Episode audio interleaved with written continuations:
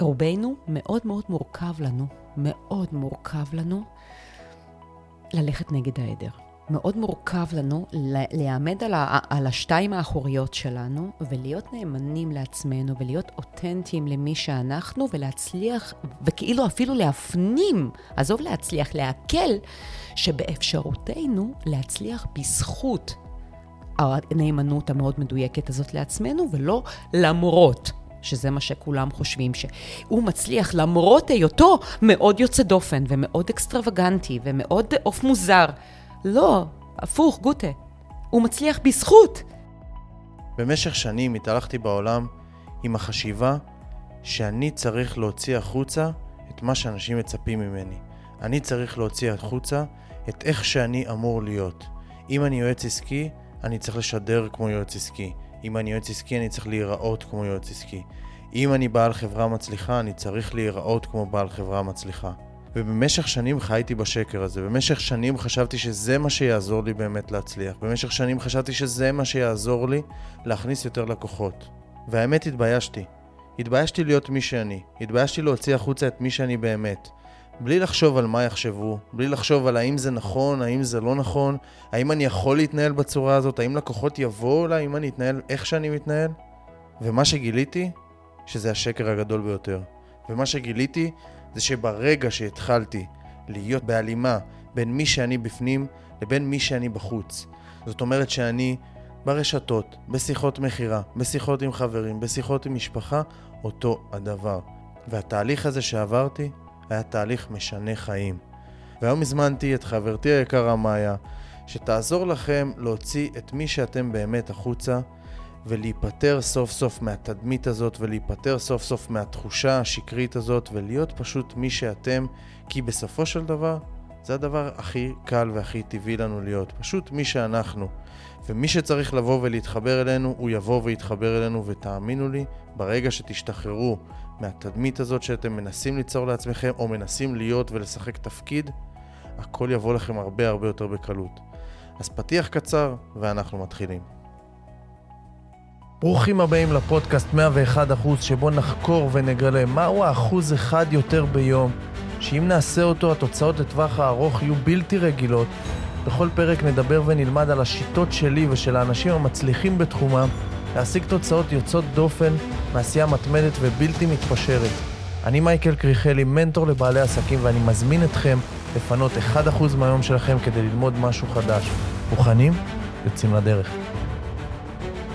היי hey, ווינרים, מה העניינים? אני ממש ממש מתרגש היום כי אני מארח אורחת סופר מיוחדת וצבעונית, תרתי משמע, ושמה הוא מאיה נוטקוביץ', ואני, יש לי היכרות איתה מאוד מאוד טובה, שהתחלתי איתה בתור, אה, ראיתי אותה באיזה הרצאה, הייתי גם לקוח שלה, ומאז אה, שמרנו על קשר מעולה, ואני עוקב אחריה, ויש לה, באמת מי שמעוניין אחר כך לבדוק מה, מה היא עשתה בשנה האחרונה, וזה טירוף מה שקרה שם. אה, אם זה הופעות בטלוויזיה, ואם זה בערך בכל פינה ובכל חור אפשרי ברשת. והיום אנחנו הולכים לדבר על משהו, על נושא ממש ממש מעניין. אז קודם כל, היי מאיה, מה העניינים? אהלן, איזה כיף להיות פה. אז אנחנו הולכים היום לדבר על, על מה שנקרא לסגור את פערי האינטגריטי, ואנחנו תכף נסביר מה זה אומר. ואני רוצה להתחיל איתך ישר, אני ישר צולל לעומק. יאללה. והשאלה הראשונה שלי זה באמת, איך יוצרים הלימה בין מי שאני באמת, מה שאני חושב, מה שאני מרגיש, מה שאני חולם, מה שאני רוצה, לבין מה שאני מביע החוצה. אוקיי, okay, אז בואו שנייה, בואו שנייה רגע נשים את זה בהכי פשוט על השולחן. השאלה שעכשיו שאלת זה בעצם ההגדרה של אינטגריטי. אז בואו שנייה לצופים שלך ולמאזינים שלך. אינטגריטי זה בעצם אומר, השאלת השאלות הכי גדולה שאדם שהוא בהתפתחות שואל את עצמו, מי אני בעצם? מה אני רוצה? או מה אני רוצה כשאני אהיה גדול? מה הפחדים שלי, מה החלומות שלי, מה אני מאמין שלי, מה הערכים שעליהם אני לא מוכן להתפשר, מה השריטות שמזכות אותי במקום באברבנל. זה לא הכל עוצמות והפי, הפי, ג'וי, ג'וי. מי אני במלוא מובן המילה? אינטגריטי בעצם זו מילה שנגזרה, למי שלא יודע, מהמילה הלטינית אינטגר, שזה בעצם אומר שלם, מספר שלם. אז זה בעצם אומר שאנחנו בחוויה שלנו מסתובבים בעולם, תקנו אותי אם אני טועה, אבל לפחות רובנו, מסתובבים בעולם בכל רגע נתון לא ממש שלמים עם מה שיוצא מאיתנו. מה שיוצא לנו מהפה לפעמים הוא כדי לרצות את בן הזוג, כי אנחנו נמנעים מקונפליקטים. מה שיוצא לנו מול לקוח, אנחנו לפעמים מדברים בפוסטים בצורה ש... אנחנו חושבים מה הלקוח ירצה לקרוא, מה הלקוח ירצה לשמוע, מה בפוטנציאל גבוה ימיר את עצמו. לעסקה נוספת. בצורה שבה אנחנו נראים, אני עורך דין. בספירה המשפטית כולם לובשים חליפה שחורה משעממת וחולצה לבנה, כי ככה מישהו מתישהו אמר פעם במשפט הבריטי בגלימה שחורה וחולצה לבנה, אבל אנחנו לא במשפט הבריטי כבר הרבה מאוד שנים. זאת אומרת, יש לנו היום עולם שלם, ואנחנו ב-2023, והתודעה מתפתחת, אבל אני עדיין בלרצות את מה שבחוויה שלי מצופה ממני. ולהימנע מקונפליקט. ולמה? כי בעצם רובנו, מאוד מאוד מורכב לנו, מאוד מורכב לנו ללכת נגד העדר. מאוד מורכב לנו להעמד על, על השתיים האחוריות שלנו ולהיות נאמנים לעצמנו ולהיות אותנטיים למי שאנחנו ולהצליח, וכאילו אפילו להפנים, עזוב להצליח, להקל, שבאפשרותנו להצליח בזכות הנאמנות המאוד מדויקת הזאת לעצמנו ולא למרות. שזה מה שכולם חושבים, שהוא מצליח למרות היותו מאוד יוצא דופן ומאוד אקסטרווגנטי ומאוד עוף מוזר. לא, הפוך, גוטה. הוא מצליח בזכות היותו מאוד יוצא דופן ומאוד אקסטרווגנטי. אז השיחה היא בעצם שיחה של רגע לתת לכם את הביצים, את האומץ, עם כל הכלים שיש לי באמתחתי, ויש לי מלא. אה, כלים תדמיתיים, כלים של שיח, כלים של רוח, כלים של אנרגיה, לתת לכם רגע את הכלים שנייה לגייס ביצים, ועד שאני אסיים איתכם בשעה הזאת, זה כבר לא ייקרא ביצים, כי זה כבר, אתם תבינו שזה דווקא יותר קל, לא יותר מאתגר. וואו, איזה... קודם כל, אני, את מדברת ואני מחייך, כי אני הרצתי בזמן שאת מדברת את השנה וחצי או שנתיים האחרונות שלי, של כאילו, איפה התחלתי ברמת מה אני מוציא החוצה ומה אני, מה, מה אני חושב שהעולם צריך לראות ממני או לצפות ממני, מי אני באמת, וה... ואני אוציא את האני שלי באמת, ובסופו של דבר, מי שצריך להתחבר, יתחבר. בדיוק. ולא רק שהוא יתחבר, הוא יתחבר כל כך עמוק, ואז גם, כאילו, זה, זה הולך כל כך, אז אם אני מדבר על תהליך ייעוץ עסקי או ליווי עסקי, אז מי שיתחבר כל כך, גם יבוא לתהליך כל כך פתוח וטוב וסומך ויודע, וגם ההצלחה שלו תהיה הרבה יותר גבוהה. זאת אומרת, ואני רואה את זה שבהתחלה, שהייתי כביכול היועץ העסקי, איך הוא צריך להתלבש, איך הוא צריך לדבר, איזה רמה, איזה זה. ואז אתה רואה גם שמתישהו, בסוף, אה, את יודעת, אני מבליג, כי, כי בסוף אני מנסה להיות אני. ואז פתאום יש פערים. אנשים אמרו לי, רגע, איך שאתה פה ואיך שאתה פה... זה לא אותו דבר. כאילו, זה לא אותו דבר, זה לא ברור. כאילו, הם, נכון. הם רכשו משהו אחד, הם רכשו, כאילו, אינטראקציה עם בן אדם אחד, ופתאום מקבלים משהו אחר. נכון. תקשיב, אתה עלית פה על כמה נקודות שבוא נפרט אותן רגע, סבבה? בואו נתחיל מהנקודה הראשונה. כשאני עולה להרצות, למשל, אחד הדברים שאני באמת מטפלת בהם בהרצאה, אני הרי באה מהעולם החזותי, מהעולם התדמיתי. עכשיו, אני לא באה מהעולם החזותי נטו. זאת אומרת, אני לא באה מ... אוקיי, בוא שנייה נלביש אותך בתוך משהו מאוד מרשים, חליפת שלושה חלקים, חולצה מעומלנת, נעל אלגנטי, תספורת פיקס, שעון של רולקס, ואתה משוחרר. זה העולם החזותי החסר integrity, בעיניי. זה אומנם מאוד מאוד מרשים. וכשאני אומרת חסר integrity, אגב, זה לא ביקורת, זה פשוט מחוסר הבנה. מחוסר... זה כמו שעושים מיתוג, בדיוק. זה כמו שעושים מיתוג בלי שהבינו בדיוק, את, בדיוק, את בדיוק. המותג באמת. זה מחוסר הבנה. זה פשוט כי אני מעוניין להיראות מאוד מרשים ומאוד מצליח, זה מחוסר הבנה, זה לא מרוע, זה לא מניסיון להיות מניפולטיבי או לרמות, בש, בשום אופן לא. זה פשוט מחוסר הבנה של המהות. שורה התחתונה, אחד הדברים שאני כל הזמן, אחת השאלות שאני כל הזמן נתקלת בהן, מתוך העולמות החזותיים האלה, זה בגלל שאנשים באים מחוסר ההבנה הזאת, אבל אני לא, אני, כאילו, חליפה זה לא אני. לשים עליי חליפה זה כמו לשים חליפה, קוף בחליפה. אתה יודע, יש היום את כל ה-Mid Journey וכל נכון. ה-AI. אחד הדברים הכי נפוצים ב-Mid Journey זה שמים איזה אה, חתלתול בחליפה, כאילו, אוקיי? אז זה כזה. ואני תמיד אומרת, לא, גוטה, זה הפוך. אין לי כל כוונה להלביש קוף בחליפה, יש לי כוונה להלביש קוף באיזשהו, אה, מה שנקרא, באיזשהו, אה, אה, באיזשהו outfit שיהיה עליו ציורים של בננות, אוקיי? וזה דימוי בלבד, כן? אף אחד מאיתנו לא שימפנזה, אבל זה דימוי בלבד לעובדה שכל הרצון הזה וכל הציפייה הזאת לשים קוף בחליפה, זה מתוך המקום של זה מה שנהוג בספירה שלי.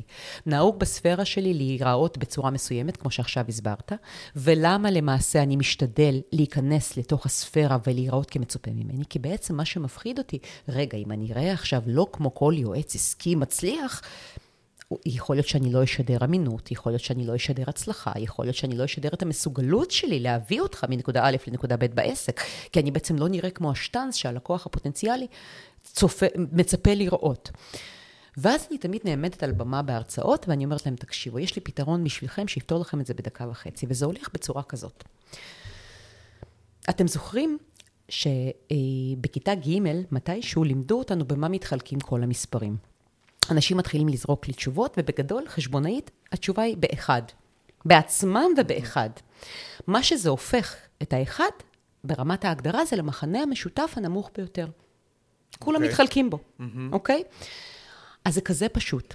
ברגע שאתם מנסים למעשה למצוא חן בעיני כולם, זה הופך אתכם למחנה המשותף הנמוך ביותר. עכשיו, מי שבעצם ואני רוצה להאמין שמי שמאזין לפודקאסט הזה, מעוניין להביא איזשהו ערך יוצא דופן לעולם הזה. יותר נכון, טוען שיש לו ערך יוצא דופן להביא לעולם הזה.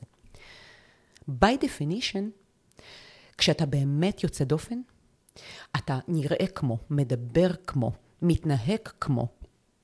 הדבר היוצא דופן הזה שאתה, by definition, אתה לא יכול למצוא חן בעיני כולם, כי למעשה אתה שואף להיות מותג. אתה שואף להיות משהו מאוד גבוה בספרות שלך, אפילו שיש עשרת אלפים קולגות בתחום שלך מסתובבים בארץ, אתה שואף להיות יותר גבוה, רמה מעל כולם. by definition, אתה לא יכול למצוא חן בעיני כולם, כי זה הופך אותך לאנטיתזה המוחלטת, למה זה אומר המותג. מותג אנושי מעליך. זה הופך אותך למחנה המשותף הנמוך ביותר. אז בואו שנייה נפנים כולנו, כל מי שמאזין לפודקאסט הזה, שמי שמעוניין להיות פרסונה שאי אפשר להתעלם מהקיום שלה בספרות שלו, כל אחד בספירה שלו, זה יכול להיות עורך דין, זה יכול להיות יועץ עסקי, זה יכול להיות קוסמטיקאית, זה יכול להיות whatever, לא משנה התחום. אם אתם מעוניינים להיות פרסונות בתחום שלכם, שאי אפשר להתעלם מהקיום שלכם במדיה, ברחוב, בחיים, ובעצם אתם מבקשים להיות מותג. מותג לא יכול למצוא חן בעיני כולם. מותג בהגדרה יפלג. וזה מה שהופך אותו לכזה. ואז הדבר השני שאמרת, שזה מאוד מעניין, למעשה, once אתה מגנטת לתוך הספירה שלך לקוח שהתמגנט לאותנטי שלך, זה המגנט הכי חזק ביקום. זאת אומרת, מי שיסתנן החוצה, מדהים, הם לא הלקוח הפוטנציאלי. אם אני הייתי אותנטי, הם לא הלקוח הפוטנציאלי. מי שכן נכנס כבר לתוך המרחב שלי, ומעוניין בשירות שלי, ומעוניין להימצא איתי בתהליך, הוא צולל פנימה all in. כי הוא התאהב במשהו שהוא לא שכלי. כי מה שקורה כשאנחנו באים לידי ביטוי במקסימום, קורה שם משהו שהוא לא עובר את מסננת השכל. קורה שם משהו לא מודע. קורה שם משהו חווייתי. הבן אדם בצד השני של החדר מקבל החלטה בשבריר שנייה, אם אתה בא לו בול בפוני, כי יש בך משהו וואו, שאתה מהווה השראה, הוא לא יכול להתעלם מהקיום שלך, או לחילופין תהיה שם תגובה של מי הוא חושב שזה הוא. אין באמצע. אז, אז, אז, בדיוק, אז זה בדיוק הדבר שאני מנסה להגיד, שאם נסתכל ש, שנה וחצי, שנתיים אחורה, לא היה לי תגובות קיצוניות. בדיוק. זאת אומרת, לא היה את ה... מי הוא חושב שהוא בכלל, בדיוק. מי זה האידיוט הזה שחושב שהוא פיצח את השיטה או יודע, לא היה לי את הדברים האלה, היה לי כאילו מאוד באמצע. אתה אחלה, אתה אלוף, אתה זה, כאלה. והיום אני רואה או אנשים שמאוד מאוד קיצוני לכיוון של וואו, אני מתחבר, והדבר שהכי כיף לי לשמוע היום מלקוח, שאני כן עושה איתם, כאילו כאלה שאני כן עושה איתם את השיחות, זה אחי, לא התחברתי אליך ואני לא רוצה את השירות שלך בגלל האסטרטגיות שלך, או בגלל היכולות העסקיות שראיתי שיש לך, כי הם לא, הם לא יודעים באמת, כי עד שלא חווית, אלא זה בגלל האני מאמין שלך, בגלל מי שאתה. על זה אני מתחבר ובגלל זה אני רוצה. נכון. ו- וזה ולחילוטין, כאילו... ולחילוטין גם הפוך, וזה בסדר. רגע, אז לא, אז אני אומר שבהתחלה זה לא היה ככה. בהתחלה מי שהיה נמשך אליי זה כי הוא ראה איזה אסטרטגיה שפיצחתי, איזה משהו כזה, איזה... משהו עסקי מאוד מאוד, אה, איזה לקוח שהצליח, איזה... והיום, כאילו אנשים באים בגלל הדמות. בדיוק. באים בגלל, בגלל מייקל. וגם סומכים על מייקל, כאילו, ה, כי בסוף, ניקח את זה רגע, וזה משהו שמעניין את המאזינים, שיחת מכירה, שיווק, כמה אתה יכול להעביר את כל היכולות שלך. אתה לא יכול להעביר את כל היכולות שלך בזה, תמיד יהיה איזשהו משהו חסר ללקוח, אבל אם הלקוח יתחבר ומרגיש אותך, את הבפנים שלך, זה הדבר הכי חזק. ומזה אני היום שמח מאוד, שזה מה שקורה אצלנו. שדווקא על המקום הזה מגיעים. נכון. וזה משהו שהוא מאוד מעניין, ואני רוצה רגע לשאול אותך פה שאלה, יש לי פה שתי שאלות שרשמתי ממה שאמרת, שמעניין אותי לדעת. א', מאיפה אני מתחיל? זאת אומרת, מהמם. אם אני מסתכל אחורה, קשה לי להגיד את הנקודה מתי החלטתי שאני אהיה יותר אותנטי, יותר אני, יותר זה. קשה... אני אאמר בשיחה שלנו לפני שנה וחצי, כשאז פגשתי אותך בזום אחרי ההרצאה. אז לא, אז שם לא הייתי. שם לא הייתי עדיין. שם... לא היית, אבל אחרי השיחה. לא, לא, לא, לא, זה לקח יותר זמן. יותר זה זמן. יותר, זה כאילו התחיל, זה תהליך. זה ברור. לא רגע, הופ, אני אותנטי עכשיו, 100% לא, אני... לא, זה ברור, אבל זה הניצנים היו, של נכון. אפשר להיות אותנטי, מותר נכון, לנו. נכון, מותר אז לנו. אז זה א', זה כאילו מאיפה אני מתחיל, והדבר השני זה מי שלא מרגיש מיוחד. כי אני כן, יש לי איזושהי הרגשה, איזשהו מסר שאני מעביר לעולם, איזשהו משהו שונה שאני יודע שיש לי אותו. אבל אני יודע שלא כולם, לא כל האנשים... יש להם את הדבר הזה, שהם מרגישים, נגיד, סתם ניקח אה, יועץ עסקי או סוכנות שיווק, אין לי שום דבר מיוחד. אני, אני לא עושה... המצאתי את הגלגל. כן, אני, א', לא המצאתי את הגלגל, אין לי איזה מסר מטורף להעביר לעולם כרגע, אולי, אני מאמין שיש לכל אחד, פשוט הוא לא מצא אותו עדיין. אז זה שתי השאלות, באיפה אני מתחיל, א', וב', אם אין לי משהו מיוחד, כאילו, מה אני עושה, איך אני כאילו מגשר על הפער הזה, כי אז החשיבה היא, אם אין לי משהו מיוחד, אז אני אהיה רגיל ואני אדבר רגיל, זה האותנטי שלי הרגיל, אבל זה רגיל. אוקיי. אוקיי, אחד-אחד. Mm-hmm. לפני שאני אענה לך על השאלות, אני אתייחס למשהו שאמרת.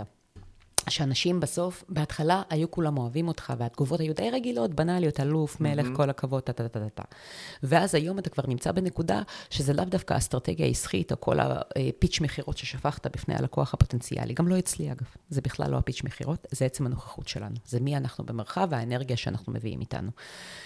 אה, וזה בעצם, מבחינתי, אני רוצה שהמאזינים יבינו את זה ברמה הלוגית, כי תמיד כשמסבירים את זה לשכל, הבן אדם מבין. Mm-hmm.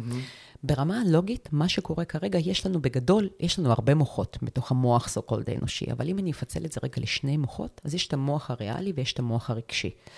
המוח הריאלי זה מה שאנחנו קוראים לו ה-default mode network, הצד השמאלי, טה-טה-טה-טה, זה מה שאומר כל הרציו שלנו, כל השכל, כל הביקורת, כל האנליזה, כל הדבר הזה. ויש את המוח הרגשי הקדום יותר, ה limbic system, הבלוטת האצטרובל, יש מלא מלא חלקים, שזה בעצם מה שנקרא, כשהרציו הולך לישון שנייה, אנחנו מאפשרים לרגשות שלנו רגע לפעול.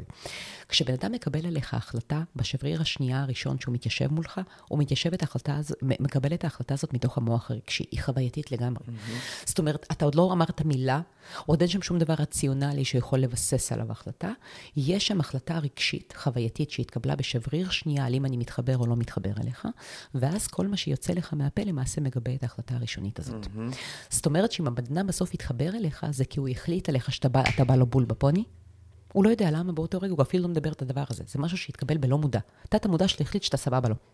עכשיו, כל מה שתגיד, הוא רק יגיד, אה, כן, אוקיי, מעולה, מעולה. זה עוד הוכחה, ש... עוד הוכחה שצדקתי, עוד הוכחה שצדקתי, וזה הכל בתת מודע. אז הפואנטה הזאת, זה הפואנטה שאתם חייבים להבין אותה. שזה בכלל לא שכלי, זה בכלל לא מה, יגיד, מה תגידו, או איך תנסחו את הניצחונות שלכם, את התעודות שלכם על הקיר, את התהליכים המדהימים שהעברתם לקוחות, זה בכלל לא זה, זה בכלל לא הוכחות ביצוע. זה nice to have, זה סבבה, כל המנטורים השיווקיים המכירתיים מדברים על זה שבכל דף נחיתה חייב להיות איזו הוכחת ביצוע, שניים, שלושה עם לקוחות, אחלה, אבל זה בסוף יתיישב על ההחלטה של האדם אתכם, אם אתם בול או לא בול בשבילו, מה שנקרא, ורק אז אל תקלקלו רק, זה הכל. זאת אומרת, שזה גם... מה שקורה בדרך כלל. כן, כן, רק אל תקלקלו, מה שנקרא. אם אתם אשכרה בול בפוני, ויש לכם את הדברים המהותיים, האיכותיים לומר, ואת ההוכחות הרלוונטיות, זאת עסקה שנסגרת. אז רק אל תקלקלו. עכשיו, כדי באמת להיות בול בפוני, אני באה עכשיו לשאלות שלך. איך אני מתחיל? האמת, קודם כל בלהבין מי אני. עכשיו, זו שאלה נורא נורא גדולה, אז בואו ניתן לכם קצת שאלות קטנות כדי שתצליחו לפרק את זה. למשל, כשאני מתיישבת עם אדם כדי לבנות עבורו אה, מה שאני קוראת לו image, תדמית, style, חזות, נראות בלתי נשכחת ונוכחות מטורפת בחדר, אני לא מתחילה מבגדים. זאת אומרת, אני לא ישר לוקחת את האדם, קונה לו ורסאצ'ה בחנות וש, ושלום על ישראל. זה הסוף. זה ה photo finish. ההתחלה שלי היא תמיד בלשאול אלף שאלות, וזה שאלות שאתם יכולים לקחת, זה לא משנה לאיזו ספירה. מי אתה? או במילים אחרות, אוקיי, יש תמיד את, את הדברים הבנאליים. האדם תמיד מתחיל לספר על עצמו, אתה מכיר את זה ב extension, כי קשה לנו לגשת לבפנים, אז אני בעלה של, אני אבא ל, אני עובד ב... כאילו תמיד זה... מה שנקרא שאלות מצב. כן, זה תמיד ב extension, ב extension, זאת אומרת, בהגדרה של שייכות למשהו נוסף. קשה לנו מאוד ללכת פנימה ולהבין מי אנחנו באמת. אז אני מתחילה לשאול שאלות שלא קשורות לעסקים. למשל, תגיד, מה ממלא אותך באנרגיה? מה מתדלק אותך? אם אתה עכשיו ממש ממש אבל ממש מותש, ב down, היה לך יום מחורבן, מה יעלה לך את האנרגיה? אם תעשה מה, אתה יהיו לך, יהיה לך חיוך על הפנים. אז בן אדם יכול להגיד לי, אני אעלה על האופנוע, האופנוע הכבד שלי ואני ארכב, סליחה, משטרת ישראל על 170, וזה, ואני אקפל את המספר וזה ימלא אותי באדרנלין. בן אדם אחר יגיד, אני אשאיר במקלחת. בחדרי חדרים, כי אני לא חושב שאני מספיק מוכשר להגיע לאירוויזיון. בן אדם שלישי יגיד לי שהוא מצייר בזמנו הפנוי, בן אדם רביעי יושב על חוף הים, החמישי ביער. בסדר? עכשיו, בואו שנייה נתרגם את התשובות האלה. זאת אומרת, לכל אחד מהאנשים האלה בעצם יש אספקט באישיות ונניח אנחנו נדבר על עורך דין, שהוא לא משפטי בשום צורה ואופן. זאת אומרת, יש שם אישיות שלמה, למעט היותו בקיא במשפט, mm-hmm. בסדר? יש שם אישיות שלמה. אז אני פתאום מבינה על האדם הזה, שאם הוא רוכב על אופנוע כבד, אז הוא אדרנלין ג'אנקי, נכון? הוא מאוד, או כאילו...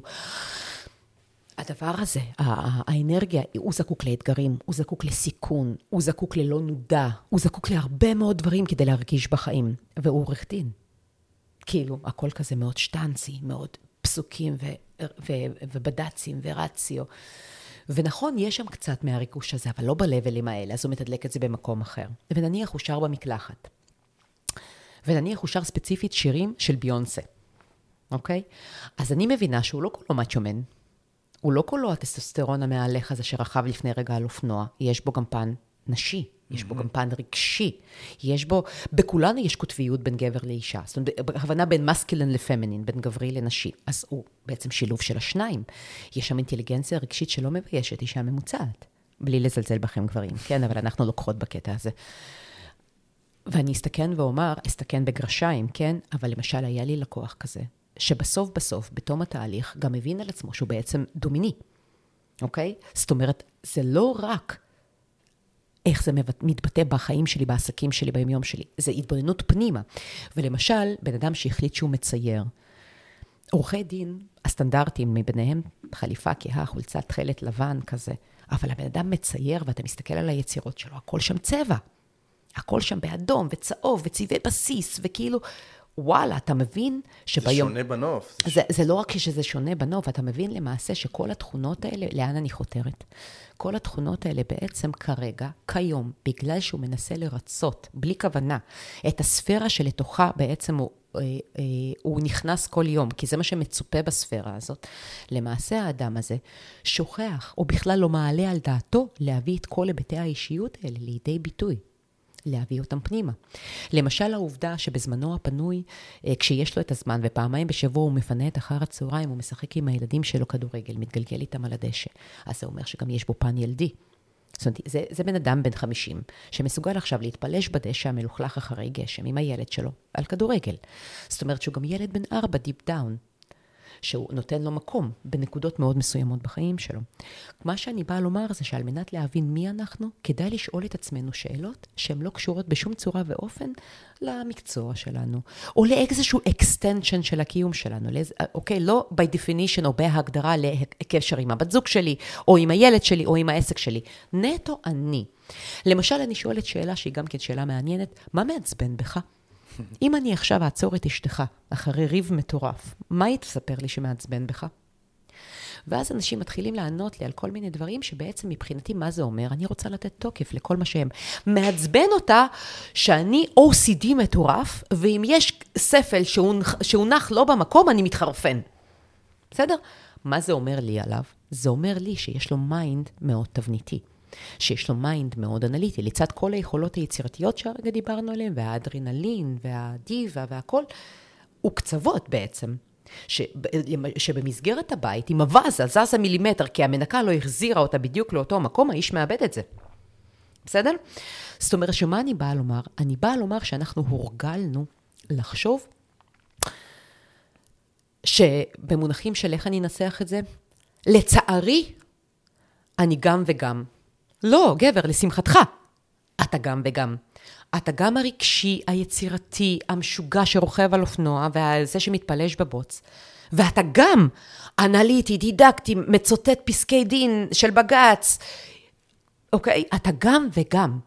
ואנשים התרגלו ל mindset של או-או. אם אני כזה, אז אני לא יכול להרשות לעצמי להיות כזה. אבל מאיפה זה בא? זה בא מהמקום של מה יחשבו עליי? כן, זה בא מהמקום של, לפני כן אפילו, מה אני אחשוב על עצמי. וואו, זה... זה בא מהמקום של האם מקובל עליי שאני כזה? האם מקובל עליי שאני קצת נשי, למרות שאני אמור להיתפס כגבר, גבר הולך שש פעמים בשבוע לחדר כושר, מה שנקרא מנפח biceps, אבל אני גם קצת נשי? האם זה מקובל עליי? זאת השאלה. הכי גדולה. בסוף, בסוף, בסוף, אנחנו מסוגלים להביא לידי ביטוי, בין אם בשפה שלנו, בין אם בנראות שלנו, בין אם במוצרים שאנחנו בונים ובלקוח שאנחנו מעוניינים למשוך אל עצמנו, בסוף, בסוף הם הכל, הכל, הכל הזרוע הארוכה של מה מקובל עליי בי. אז הפואנטה היא האם זה מקובל עליי. האם אני מכבד את כל מה שאני. ואני אפילו בכוונה לא אומרת אוהב את כל מה שאני, כי אני חושבת שזה מאוד שאפתני. ואני חושבת שזה אפילו מעט דטרמיניסטי לבקש מהאדם לאהוב את כל מה שהוא. כי לצורך העניין, בחוויה שלי, אם אני אוהב את כל מה שאני, אז זה משאיר לי מעט מאוד בעצם מקום ומרחב שינוי. לשינוי. אז אני אומרת, רגע, רגע, רגע, כבד את מה שאתה, כבד, קודם כל כבד, תן לזה מלוא ולידציה, מלוא תוקף. תן לזה כבוד. זה יכול להיות פיזי, אני עכשיו 20 קילו יותר ממה שהייתי רוצה להיות. זה יכול להיות רגשי. אני אה, כרגע מאוד מאוד אוסידיסט, ואם הזיזו לי את הווזה, אני מאבד את הצפון ועולה על 200 על טורים, אבל אני לא באמת מעוניין לצאת על הילד שלי על 200, כי הוא הזיז לי את הגבינה, אתה מבין? Mm-hmm. אבל קודם כל, בוא נכבד את העובדה שאני מה שאני, ואז מתוך המקום הזה קורה משהו מאוד מעניין. תת המודע שלנו לא מסוגל לפעול לטובתנו, מתוך אני לא אוהב את זה, אני לא אוהב את זה, אני לא אוהב את זה, אני לא אוהב את זה, אני רוצה משהו אחר, אני רוצה להיות פחות אוסידיסט, אני רוצה להיות פחות נשי, אני רוצה להיות פחות משוגע על אופנוע, כי עוד יומיים אשתי כל הזמן צועקת, אתה תתרסק, אתה תתרסק, אתה תתרסק, אני לא רוצה להיות על 200 על אופנוע, אני לא רוצה. תת המודע שלנו, א', לא שומע את המילה לא, ושתיים, תת המודע שלנו לא מסוגל אה, להביא לנו שום דבר מתוך חוסר. זאת אומרת, אתה מכיר את תורת המניפיסטציה, את תורת הרוח, את תורת הלזמן ולמגנט על עצמנו את מה שאנחנו באמת מעוניינים. Mm-hmm. כל ה... אה, אה, נקרא להם המנטורים, המאמנים הגדולים בעולם, אה, נזרוק שמות שאולי אתם מכירים, ואם לא, תחפשו אותם, זה יכול להיות טוני רובינס, זה יכול להיות ג'יי שטי, זה יכול להיות מריסה פיר, זה יכול להיות מל רובינס, זה יכול, יש מלא מלא מלא מלא אנשים ששווה לעקוב אחריהם, שכשמדברים על להגשים את המטרות שלנו ולהגשים את החלומות שלהם, מדברים בשלוש, אה, בשלושה סעיפים, בגדול, אם אני מתמצתת. הם מדברים באחד, להיות מאוד מדויקים ממה שאני מעוניין. שיקרה בחיים שלי ויגשים את עצמו בחיים שלי. שתיים, לא לדבר ב- אני רוצה, אני רוצה, אני רוצה, אני רוצה, אני רוצה, אני רוצה, אני רוצה. כי ה vibe, ה vibe הלא מודע של אני רוצה, please, please, please, please, תביא לי מיליון דולר, please, ה vibe הלא מודע של זה, זה שאין לי. ה vibe הלא מודע של זה, זה של חוסר. ושלוש, אה, זה בעצם להיות מסוגלים לשחרר את ה-attachment, את ההיקשרות הרגשית להתגשמות של התוצאה הזאת. זה מה שנקרא, לתת לזה דיוק, לבוא מתוך, אני חושק, אני, וזה אפילו לא חושק, זה אפילו לא זה, זה לבוא מתוך אנרגיה של, אני כבר היום מתנהג, מתנהל, נראה, מדבר, חושב, as if זה כבר קרה. Mm-hmm. as if it already happens, happened. ושם בעצם התדר של, please, please, please, please, אני רוצה, של החוסר, מתחלף ב, כבר יש לי את זה, עכשיו, זה נשמע אולי הזיה טיפה, אבל זה תדר כזה של כבר יש לי את זה, אני פשוט עוד לא גיליתי את זה בסביבתי, אבל זה כבר קיים. Mm-hmm. אני עוד לא הבנתי את האמצעי להגיע לשם, עוד לא זיהיתי את ההזדמנות המדויקת, עוד לא נפתחה, נפתח לי הווילון הנכון. העולם עוד לא יודע שזה העולם, קרה. אבל זה כבר קרה. Mm-hmm. זה כבר קרה, אני רק עוד לא גיליתי את האמצעי. ושלוש, זה לשחרר את ההתאשמנט הרגשי לזה. Mm-hmm. עכשיו, כל השיח הוא בעצם מגיע מהמקומות האלה, של הוולידציה למה שאתה, זה ולידציה שלא מגיעה ממקום של מאבק, היא מגיעה ממקום של זה כבוד למה שאני, זה כבוד למה שאני מעוניין להיות, ואני מביא אותו כבר היום לתוך החיים שלי. אני, אני אתן לך פה דוגמה שאת מעלה לי, דוגמה אישית על עצמי. אם אנחנו כבר נתנו כמה דוגמאות איתי, שכשאני התחלתי, יש לי כישלונות מאוד מפוארים. מאוד מאוד מפוארים, ובהתחלה, כאילו בתור יועץ עסקי, בראש שלי, בוא, בוא נחריש את זה. בסדר? בואו לא נדבר על זה, בואו לא נוציא את זה החוצה, כי בסופו של דבר, יועץ עסקי, אתה אמור להיות מוצלח. זה, זה הראש שלי היה אז. אתה אמור להיות מוצלח, הכל מצליח, הכל זה, סומכים עליך, אתה תיקח את החברה ל-XYZ. אז החרשתי את זה בהתחלה. ולאט לאט הבנתי שזה חלק ממי שאני. ההפך, זה היתרון שלי, שאין לי יועצים עסקיים אחרים. זאת אומרת שהכישלונות הגדולים האלה שחוויתי, שלקחתי חברה מ-0 ל-30 מיליון שקל הכנסות, ואז גם היא נפלה ל-0, וסגרתי את החברה, אז פעם היו שואלים אותי, מה, למה, למה סגרת את החברה? אז הייתי מנסה למצוא תירוצים שאני לא אשקר, א', אבל גם שזה לא... כאילו, לא להגיד את האמת.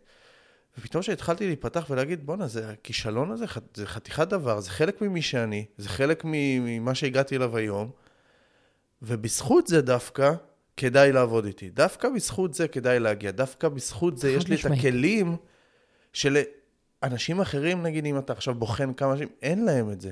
אני יודע איך להתמודד עם הלמעלה המאוד גבוה, והלמטה התחתית הזאת המאוד, שזה מי שלא יתמודד, לא יבין. מי שלא יתמודד... זאת אומרת שהכישלון שלי בעצם זה המתנה שלי. וברגע שאתה מקבל את זה, אתה מבין שזה חלק ממי שאתה, וזה הכל. ואז פתאום התחלתי להוציא את זה החוצה, ומוציא את זה החוצה בדרך הכי אמיתית שיש והכי נכונה. אני כאילו סיפרתי ואני זוכר מה זה לבוא לדירקטוריון עם משקיעים, שאני אומר למשקיעים, חבר'ה, עזבתי אתכם. זהו, נגמר החברה, הלך הכסף, זה לא עובד יותר, אנחנו צריכים לסגור את הבסטה. אני בא וזה כאילו, מה אתה מאשר פה? אתה מאשר, אני נכשלתי, כי אני הייתי זה שמשיט את הספינה. בסדר, העובדים לא עשו טוב, זה לא עשה טוב, בסדר, אני אשם. ועכשיו בוא נקבל את זה. וברגע שאתה מוציא פתאום החוצה, וזה מי שאני, פתאום הכל נפתח. וזה קטע שאני רואה, ואני רואה את זה, אם זה ניכנס לשיחות מכירה, שאני מגיע לזה, לסיפור הזה, זה סוגר אנשים. ואז, ואז כאילו בראש שלי, אני זוכר בפעמים הראשונות, איך זה הגיוני. אני אגיד לך מה השתנה. איך זה הגיוני? למה אנשים סוגרים כשאני מספר על כישלון כזה גדול? אני אגיד לך מה השתנה. במונחים של מה שאני תמיד מדברת עליו, אתה בעצם נתת כבוד לכישלון שלך. ומה זה אומר לתת כבוד? זה אומר בעצם, הוא מה שהוא. אתה בעצם נותן לו מקום כחלק מהשתלשלות האירועים של החיים שלך, בלי, אמ, איך אני אנסח את זה? בלי לייחס לזה רגש של מבוכה. Mm-hmm. אוקיי? זה מה שהשתנה. זאת אומרת, מה שהשתנה זה נתת לו תוקף. וואו, פעם זה היה מביך, באמת. בדיוק. זה, זה הרגיש לי זה כאילו... זה מביך. רק, נכון. שלא ישאלו אותי, רק שלא ישאלו אותי למה החברה נסגרה. יפה. זה ככה זה הרגיש. יפה. אז אני אתן לך עכשיו את הדוגמה מהספרות שלי, ונחבר את כל זה. אז בעצם אתה נתת לו כבוד ותוקף, כחוליה בשרשרת של מה שהפך אותך למייקל של היום. אוקיי? למייקל קריכלי של היום. כבוד, בלי הפרשנות הרגשית. כי הרי מה קורה? אנחנו כבני אדם, אנחנו ממש לא בספרות של תדמית עכשיו, כן? אבל אנחנו בספרות של, אה, של אנרגיה ורוח ומחשבה. אנחנו כבני אדם, בעצם יש את האירוע, ויש את החוויה שלנו אותו, את הפרשנות שלנו אותו, את הרגש שאנחנו מייחסים אליו. וכל הרגשות האלה כי הסביבה לימדה אותנו שלהיכשל זה מביך. למשל, סבבה? שלהסתובב בחמישה צבעי יסוד בחוץ זה טווסי, וזה מוחצן, וזה ליצני, למשל בספרות של תדמית. Mm-hmm. ומיליון ואחד סרטים ושיט שהאכילו אותנו, כל מיני פרדיגמות שממש לא משרתות אותנו. אתה בעצם נתת כבוד לאפיזודה הזאת שקוראים, החברה, שקוראים לה החברה נכשלה, בתור אחת החוליות היותר מכוננות בחיים שלך. בתור משהו שסיפק לך מלא מלא כלים, ואת הלקח הנחוץ, ובתור משהו שאתה יכול היום להביא ללקוחות שלך. למשל, עבורי, כשאני מדברת על חזות, ונראות ולבוא למקסימ, במקסימום לידי ביטוי, אה, זו שיחה שנכנסת המון בלתת מקום רגע למה שאתה חזותית. למשל, אני עם שיער לבן. אתה מבין? כבר 20 פלוס שנים אני עם שיער לבן, שהתחלתי להלבין בגיל מאוד מאוד צעיר. התחלתי להלבין בגיל 12. סבבה? הגענו, וואו. ל... וואלה. כן, הגענו לארץ, הייתי חודשיים לפני גיל 12. אני בת יחידה להורים שכבר לא בחיים היום, אבל דאז הם היו מאוד מבוגרים, הם היו בני 55. והם שינו מדינה, ואז אני מצאתי את עצמי בתור המבוגר האחראי של, של הדבר הזה. לתרגם, חוזים, בנקים, עניינים, יצאתי לעבוד, סיפורים. שורה תחתונה, יש פה איזה, את השיחה הזאת של להסתיר, לעומת לתת לו ביטוי, לתת לו מקום. להסתיר את העובדה שאני באה מכלום, או לתת לה מקום שאני באה מכלום. ואז יש את כל השיח הזה של אני באה מבית סובייטי. גם אתה. אנחנו באים מבית רוסי קלאסי, אמוציות זה לא משהו שהוא דבר שגור של מה בכך, לפחות לא אצלי בבית. ביטויי אהבה זה היה next to impossible לקבל, ביטויי אה, חיבוק וחיבה, אה, זה בדרך כלל היה לא מעצם הקיום של אלה, כי עשיתי משהו טוב, אז קיבלתי. נוצרות כל מיני התניות, ואז אתה בעצם מבין שאם תתנהג א', תקבל ב'. תסתיר את זה, אף אחד לא יצעק עליך. אנחנו חיים את ההתניות האלה שנים על גבי שנים, ואז אני, אני במשך שנים נראיתי מדהים, סבבה, style על הכיפאק, אבל הוא היה style מאוד מאוד מסוים. הוא היה חליפות, הוא היה עקבים, עקב, עקבים גבוהים של סטילטו, הוא היה משקפיים מאוד מסוימות, אה, אתה יודע, מוזהבות או כהות קטנות ושיער קצר וכל כזה, אתה יודע. יצאתי מאיזה ז'ורנל של אשת עסקים, כי גם עסקתי בספרות האלה לפני האפיזודה המסוימת הזאת, שאני אה, בתדמית ואני ב style ואני ב image making. באפיזודות הקודמות הייתי בעולמות אה, מסחריים, ארגונים, קונגלומרט. פרויקטים, ניהלתי פרויקטים בחברות ענק ובספרות מאוד מאוד מדעיות ומדויקות. ורגש היה שנות אור רחוק ממני, אז הכל היה כזה. עכשיו, היום כשאני מדברת על ביטוי עצמי, אני מדברת דרך האור של עצמי. אני מדברת דרך זה שאני חייתי למעשה בספירה שלא אפשרה שום ביטוי עצמי. שיש את המצופה ממני, ואתה מתנהג בהתאם למה שמצופה ממך. אתה מתנהג מול ההורים ומול הסובייט יוניון. אה, ומול אה, כיתה מלאה בלא יהודים, אבל אתה בעצם יהודי, ואתה לא נמצא שם בכלל עם הביטוי העצמי של הלאום שלך. אתה אחר כך מתנהג בארץ בהתאם למה שמצופה ממך, אבל אין לך שקל. אין, להורים שלך אין יכולת לתת לך עשרה שקלים כדי לצאת עם חברות לבית קפה. אבל אתה מנסה ליישר קו, אתה עובד, אני עבדתי, קראתי את התחת, הרווחתי כסף כדי להיות מסוגלת להסתובב עם החבורה שלי ולשלם על מה שהם משלמים, ואתה לא מדבר, אתה לא מדבר שאין לך. ולקח לי שנים על גבי שנים שנייה ליישר קו שכל מה שחוויתי מגיע לו את הכבוד הזה שהוא חלק ממני. עזוב את זה שחוסר אה, היכולת לבטא רגש, גם זלג החוצה אחר כך לתא המשפחתי המסוים שלי. אני נשואה ואני עם ארבעה ילדים. עכשיו, אני תמיד אומרת את זה בכל הרצאה, אני לא אימא טבעית. לא לימדו אותי להיות אימא, אין לי את הווריד הזה. אני לא ילד יוצא לי מהרחם ואני כזה, יואו, איזה דבר מדהים. לא, אני כזה, תנו את זה לבעל, אימא צריכה יומיים. אני לא אימא טבעית, אני אימא נרכשת בחוויה שלי, מה שנקרא. אני אימא שכל תוך כדי הליכה מלמדת את עצמה יותר פתיחות, יותר תקשורת, יותר רגש עם הילדים שלי. אני יכולה להגיד בריש גלי, ואולי זה לא פוליטיקלי קורקט, אני לא אוהבת את הילדים שלי עד שהם מגיעים למצב שבו הם אינטראקטיביים. זאת אומרת, עד גיל שלושה חודשים אין לי מי לדבר. אני מתפעלת את זה, כי מה לעשות, הדבר הזה באחריותי. אבל אני לא אוהבת את זה, או מאוהבת בזה. וואו, כאילו נולד, אין לי את זה. אבל כשהדבר הזה מתחיל להיות אינטראקטיבי, מתחילה דינמיקה, מתחילה תקשורת, אני מתחילה לפתח היקשרות. עכשיו, אני כזה אדם. אני כזה אדם. וזה היה מאוד מביך. הרבה מאוד פעמים אנחנו חווים חוויות בחיים שלנו שמצפים מאיתנו, וואי, ילדת. את אמורה להיות עכשיו אימא, ולהעניק, ולטפל בדבר הזה. וואי, ילדת, למה את עכשיו זורקת אותו בגיל שלושה חודשים למעון? ככה, כי יש לי את החיים שלי. אוקיי? אה, אני רוצה עכשיו לעלות על הסטילטו שלי, לעלות על ה outfit המטורף שלי, ולצאת לנהל איזה פרויקט. תעזבו אותי מאמא שלכם, אני אימא של חמש עד שמונה. גג, פעמיים בשבוע. סבבה? זאת אומרת, כל הפואנטה היא זה הוולידציה הזאת למה שאני, ולכל מה שהחברה קוראת לו כישלון, אפרופו גם העסק הזה שלא הצליח לעמוד על כנו לאורך זמן. אנחנו נוהגים לקרוא לזה כישלון. אני קוראת לזה שכר הלימוד שלנו. זה שכר הלימוד שלנו. זאת אומרת, אנחנו, זה שכר הלימוד שלנו. זה שכר הלימוד של בהיכרות שלנו את עצמנו ולתת לעצמנו תוקף ולהלך המחשבתי שלנו. הוא לאו דווקא נכשל כי אתה לא ניווטת את הספינה מדויק. יכול להיות וייתכן אולי שהוא נכשל, כי זה לא היה מלוא הביטוי של כל מה שאתה. זה, זה בדיוק מה שאמרת. תודה רבה. זה לא היה, זה היה אתה כסף. מבין? אתה מבין? זה היה כסף. בדיוק. אתה לא באת לבטא את, ה, את מה שנקרא, את מה שבאת לעשות על הפלנטה הזאת ב-80 השנה שאתה קיים. בסדר? אז הוא לא נכשל כי לא ניהלת את זה נכון. הוא נכשל כי המניע היה כלכלי. סבבה? עכשיו, זה שיח ענק של כל הדבר הזה. אני לא קוראת לשום דבר ממה שעכשיו פירטתי על עצמי, למשל, בתור אימא, או על עצמי כאשת עסקים, שפרויקט כזה יוצא לפועל ופרויקט כזה לא, ולא הכל הפי הפי ג'וי ג'וי. אתה סיפרת בתחילת הפודקאסט שאני בטלוויזיה, ואני ברדיו, ואני בכל מקום.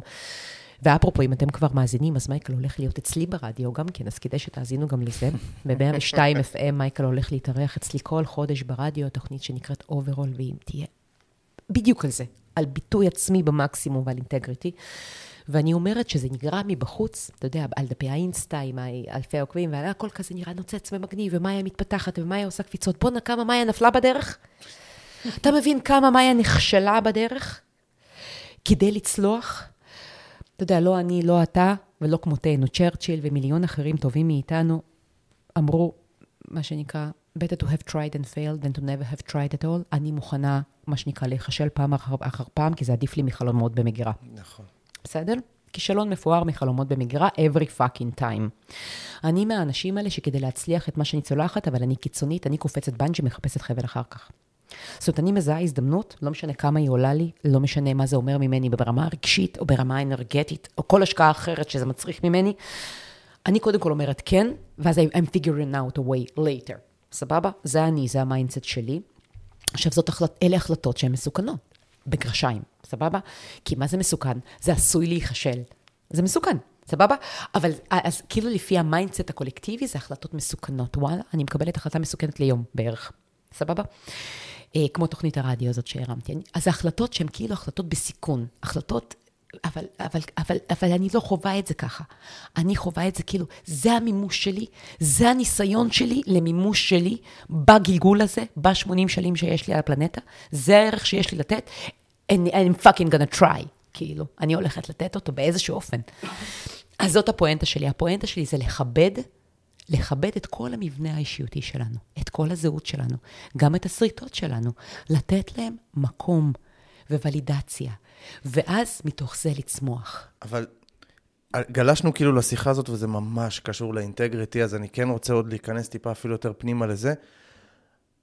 אנחנו מדברים פה כאילו יפה, אוקיי, צריך לעשות וצריך זה, אבל תכלס. כלים, תנו לי. רגע, רגע, פרקטי, פרקטי, איך אני, איך אני עובר, אני מדבר פה נטו מנטלי. איך אני עובר מהמקום הזה שאני מתבייש בכלל להוציא את זה החוצה, האם אני צריך להוציא את זה החוצה, mm-hmm. אז אולי עכשיו הבנתי מה זה יתרום לי אם אני אוציא החוצה. כי אני דוגמה חיה לזה שכשאתה מוציא החוצה, דברים מתחילים לעבוד לך, א', וכל מה שחשבת שיקרה, הדברים הגרועים מכל, היה לי מחשב, אני משתף במחשבות, היה לי מחשבות בראש שברגע שאני אוציא את זה החוצה, אף אחד יותר לא ירצה לעבוד איתי. רק יהיה עליי ביקורת רעה ו... ו... ועוד ועוד ועוד, שטויות שעברו לי בראש. אבל אני, בתור בן אדם, אני בן אדם שכאילו מקבל החלטה, כמו שאמרת, אני מקבל החלטות אמיצות כאלה. וזו החלטה מסוכנת כביכול, אבל אמיצה, ואני הולך לעשות את זה. אבל לא כל אחד יש לו את היכולת לעשות את ה shift הזה, כי אני כאילו בראש שלי ובכל ההיסטוריה שלי, fuck it, אני עושה את זה ואני אתמודד עם מה שיהיה. אני מכוון לטוב, mm-hmm. אם זה יהיה גרוע ממש, אני אתמודד עם זה. אה, בדיוק. אני, זה... אני אבין איך, איך לנווט את הדבר הזה. אז אני אתן לך כמה כלים בשביל המאזינים. סבבה? אני אתן לכם מלא כלים. הכלי הראשון, אני דווקא אקח אתכם חזרה שנייה לתוך העולם החזותי. אני מניחה ששמעתם את המשפט הזה לא פעם ולא פעמיים, אבל אני רוצה שתפנימו אותו היטב. תלוי באיזה מחקר, ותלוי את מי שואלים, אבל מעל 90 אחוז, זה 94, 97, 90 ומשהו, כל אחד, תלוי באיזה מחקר, אבל 90 אחוזים של התקשורת הבין-אישית היא בכלל לא מילולית. אז אני אקח אתכם דווקא חזרה לתוך עולמות התוכן שאני באה מהם. מה שנקרא הנראות שלנו, החזות שלנו, התוקף שלנו, דרך מה שמשתקף אלינו חזרה חזותית מהראי. יש מלא, מלא, מלא הרצאות של מנטורים גדולים בעולם, שהולכים בערך ככה. תדמיין את מה שאתה רוצה, מה שיגשים את עצמו בחיים שלך, ואז תהיה האדם הזה כבר היום, והכלי הראשון והקל ביותר שכולם מדברים עליו, זה תיראה. תיראה, פאקינג תיראה. עוד לא תדבר, עוד לא כלום, רק תיראה כמו הדמות הזאת. אתה מדמיין את עצמך היום את הבעלים של איזושהי חנות מטר על מטר, ואתה מעוניין להיות בעלים של רשת חנויות? תדמיין איך נראה, first and foremost, בעלים של רשת חנויות. מצליחה. אז אם היום אתה לובש איזשהו סרבל קרוע מוכתם, אבל כבעלים של רשת אתה כבר לא פיזית בתוך החנויות, אלא יש לך עובדים, מנהלים, אבל אתה מלמעלה, ומה שאתה מדמיין, אתה, אתה עכשיו עם איזשהו ג'קט מהוקצע, טישרט פיין, ג'ינס מגניב, היום תיכנס לחנות, תשקיע את הכמה שקלים, יותר או פחות, כל אחד והתקציב שלו, היום תיראה ככה. למה בעצם? כי לנראות יש השפעה על תת המודע שלנו, שזה אותם ה-90 ומשהו אחוזים שמדברים עליהם, שהם לא מילוליים. זאת אומרת, זה אותו המוח הקדום שלנו. זה אותה... זה גם לעצמנו. לעצמנו, לעצמנו. אני מדברת על עצמנו כרגע. אתה שואל איך. נכון, אנשים הבינו, הבינו שכדאי להם לבוא לידי ביטוי. הבינו שכדאי להם, אבל איך? מאיפה שהם יגייסו את האומץ הזה? איך הם... איך? כבר היום תיראו כמו האדם שהייתם מעוניינים לראות את אותו בראי בעוד חמש שנים. שמרוויח X, שיש לו עסקים Y, שנשוי ל, שיש לו את כל הספרות האלה שהוא מעוניין בהם, כמו העוגה הזאת עם השמונה פלחים, שהיום אני בארבע ואני רוצה להיות בתשע, בכל הספרות, בזוגיות, בספורט. כבר היום, דבר ראשון, לפני הכל, כולם אומרים, תיראה כמו האדם הזה. למה? כי אז צד ימין מקבל דלק של אתה כבר שם, אתה כבר נראה כמוהו. ואתה מכיר את הדבר הזה, hero pose? מול הראי, שבן אדם נעמד עם רגליים, mm-hmm. עם ידיים, סליחה, על המותניים, בתנוחת כן, סופרמן, כאלה, או כלפי זה, מעלה, נכון. שתי דקות. בראי, ספציפית, לא מול, מול קיר, מול ראי. למה? כי מה שהמוח מקבל, התת-מודע שלך מקבל באותו רגע, יש לזה אימפקט אדיר, זה מתדלק אותך בוויזואליה מסוימת. החזות שלנו מקצה השיער עד למשקפיים, עד לכל הבגדים, כשאני בעצם אומר לעצמי, אני לא כמו כולם, יש לי ערך אחר לתת לעולם הזה, you need to fucking look the part, כדי שתת המודע שלך אשכרה יאמין לך. עכשיו יש לי שאלה על זה. שאלה שאני בטוח שאנשים שואלים. אבל אני כן כמו כולם, השאלה הקודמת לא, ששאלת, לא, לא, ששם לא, לא. עוד לא הגענו. לא, רגע, דווקא לא זה. השאלה שאני רוצה לשאול פה, אני רואה את עצמי, סתם אני אלך לכיוון אחר, לא יודע, עורך דין, mm-hmm. כמו מסוץ, ניקח את uh, מי שראה סוץ, הרווי, את, כן. uh, את הרווי, בסדר? כן. זה העורך דין שאני רוצה להיראות. תופס נוכחות, הכל, יש שם הכל. אבל אני היום עורך דין צעיר, מתחיל. אני רואה את עצמי ככה עוד עשר שנים, שבע שנים. כבר ח... היום. חמש, בסדר, כבר היום. כל חליפה שלו עולה עשרת אלפים דולר, או משהו כזה, אין לי את הכסף להוציא עשרת אלפים דולר על חליפה כזאת, מה אני לי, עושה? אז תן לי לענות לך, זו שאלה מצוינת. אה, תקשיבו, אנשים... כאילו, האם זה שטות? האם זה כאילו אה, מפגר עכשיו? מה, אני אלך לקנות גם את האוטו שלו, ואני אלך, אני לא יכול. לא, לא, לא, לא, לא, לא, לא. לפני הרכב. אנחנו בעצם מדברים, איך אני אנסח את זה? זה לא ה brand. זה אידיאלי, נניח במקרה של איש עסקים שאכן, רגע, רגע, אני אצייג את זה, שאכן חליפה זה הדבר שמבטא אותו. זוכרים mm-hmm. את השאלות בהתחלה? Mm-hmm. אני לא רק חליפה, אני גם רוכב על אופנוע, אני גם מצייר, אני גם שר במקלחת ומשחק עם הילד כדורגל. אז אני לא רק חליפה. ואם אני כן חליפה, בגלל שאני עדיין עורך דין ואני אסטרטג עסקי, או לפחות בשאיפה שלי יהיה, יהיה לי חברת עורכי דין, אני אהיה מהגדולים בארץ, נכון? זו השאיפה שלי. אז אני גם אסטרטג עסקי ממולח, הסבבה חליפה, אבל שלא תהיה בכחול או שחור, שיהיה, שיהיה בה איזשהו צבע שמדבר את היצירתיות שלי. אם אני משחק עם הילד, אז שיהיה לי סניקרס. חליפה על סניקר זה אחד הטרנדים, אתם יכולים להרשות את זה היום לעצמכם. אני כבר אגיע לכסף ומה הפריטים עולים. אם אני רוכב על אופנוע כבד, אז שנניח אה, אה, אני אקח את הצד הילדי לטישרט במקום חולצה מכופתרת, ויהיה לי טישרט עם איזשהו הדפס שמדבר ילדיות. והנעל שלי תהיה דווקא נעל שקצת מזכירה לי boot של אופנוענים. אני אשחק עם הפריטים על החזות שלי בצורה כזאת שכל האספקטים של האישיות שלי ישתקפו אליי חזרה מהראי. ועולה או לא עולה, וכמה זה עולה, אני רוצה שנייה להפריח כמה דברים. כשאנחנו מסתכלים על אדם אה, במרחב, ונשמטת לנו הלסת, כי נכנסה עכשיו פה נוכחות שאי אפשר להתעלם ממנה, אני מבטיחה לך, היא לא נשמטת כי כתוב לו פראדה על הטישרט. היא נשמטת כי יש דבר כזה שנקרא הרמוניה, וההרמוניה האסתטית שעוברת מהדבר הזה זה fucking וואו. אנחנו נשמטת לנו הלסת, כי מה שאנחנו אומרים, וואו, איזה סטייל, זה יכול להיות פריטים בעשרה שקלים מיד שנייה. אוקיי? זה יכול להיות פריטים ב-200 שקלים מיד שנייה, או ב-500, לא 5,000. אבל הכוונה שלי זה שזה החוויה של ההרמוניה האסתטית של, אתה יודע, אליי ניגשים ואומרים, וואי, לעולם לא הייתי חושבת לשלב את זה ואת זה, אבל עלייך זה עובד. זאת הכוונה כשאני אומרת הרמוניה. כי אם עכשיו אני שמה חליפה מהוקצעת על סניקרס מטורף, ומתחת יש לי חולצה שהיא כולה פייטים נניח, או כולה נצנצים, כמו שעכשיו אני לובשת חולצה של בטי בופ מלאה בקריסטלים, לצורך העניין, סבבה? אמ, היכולת הזאת לשלב את הקצוות שלנו, אפרופו, כי אנחנו בסוף מדברים הרי האישיות שמתבטאת החוצה, לשלב את הקצוות שלנו בהרמוניה, היא לא חייבת לעלות הרבה מאוד כסף, היא יכולה. ולא כי זה יקר וכתוב על זה פראדו או איף סן נורון, פראדה או איף סן נורון, אלא כי ליוקרה ול-customized pieces יש איכות תפירה מאוד מסוימת, ויש את הטקסטורת בדים היוצאת דופן, ואת הצבעים שהמעצב חשב עליהם, וצבע במיוחד כל טקסטיל וטקסטיל, יש לזה את ה-benefits שלו. זה מה שנקרא ה-fine-tuning של ה-next level. אבל אם אתה מדמיין את עצמך בתור מישהו שנכנס למרחב, וברור לכולם שנכנסה עכשיו פה דמות לא רגילה, שזה פנומן, זה לא עוד אחד, זה לא חלק מעדר. אתה יכול להשיג את החזות הזאת על ידי זה שאחד, תשאל את עצמך את אותן שאלות שדיברנו עליהן, על מה שיחקתי בתור ילד ומאוד נהניתי, למשל. והייתי באפס מאמץ מנצח, מה זה אומר על ה mind שלי. על מה היום ממלא אותי באנרגיה, על מה מעצבן אותי, על מה מעצבן בי. על איזה סוג של אבא אתה. או איזה סוג של חבר אתה. למשל, הוא יגיד לי שאני החבר האהוב על כולם. למה? כי אני הכותל המערבי של כולם, וכולם שופכים לי את הצרות שלהם. עכשיו, מה זה אומר לי עליו? שהוא בן אדם טיפולי. שהוא בן אדם שמקשיב, הוא בן אדם שמכיל, הוא בן אדם טיפולי. עכשיו, אם אני מדמיינת עכשיו את הדבר הכי טיפולי עלי אדמות בתור דמות שנכנסה לחדר, מה אני אדמיין? אני אדמיין פשטנים, אני אדמיין לבן, אני אדמיין אה, סריגים בז'יים, אני אדמיין פסטלים, אני אדמיין צבעים שישדרו לי נעימות והכלה וטיפוליות, לעומת בן אדם שמגיע עכשיו בחליפה שחורה. נכון? טיפוליות לא עוברת שם. אתה מבין? אז סבבה שאני עורך דין, אבל מתקשרות אליי הגרושות, שאני מטפל נניח בתהליכי גירושין, ומתקשרות אליי הגרושות ההיסטריות, כי הבעל עכשיו עצבן אותם בשלוש לפנות בוקר, ואני מסוגל להחזיק את המרחב הזה, אז אני לא רק עורך דין, אני גם המטפל שלהם. אני גם מחזיק את זה לאורך fucking שנה, עד שתהל... או יותר לפעמים, עד שתהליך מסתיים. אז סבבה חליפה, אבל שתהיה פשטן למשל, אתה מבין?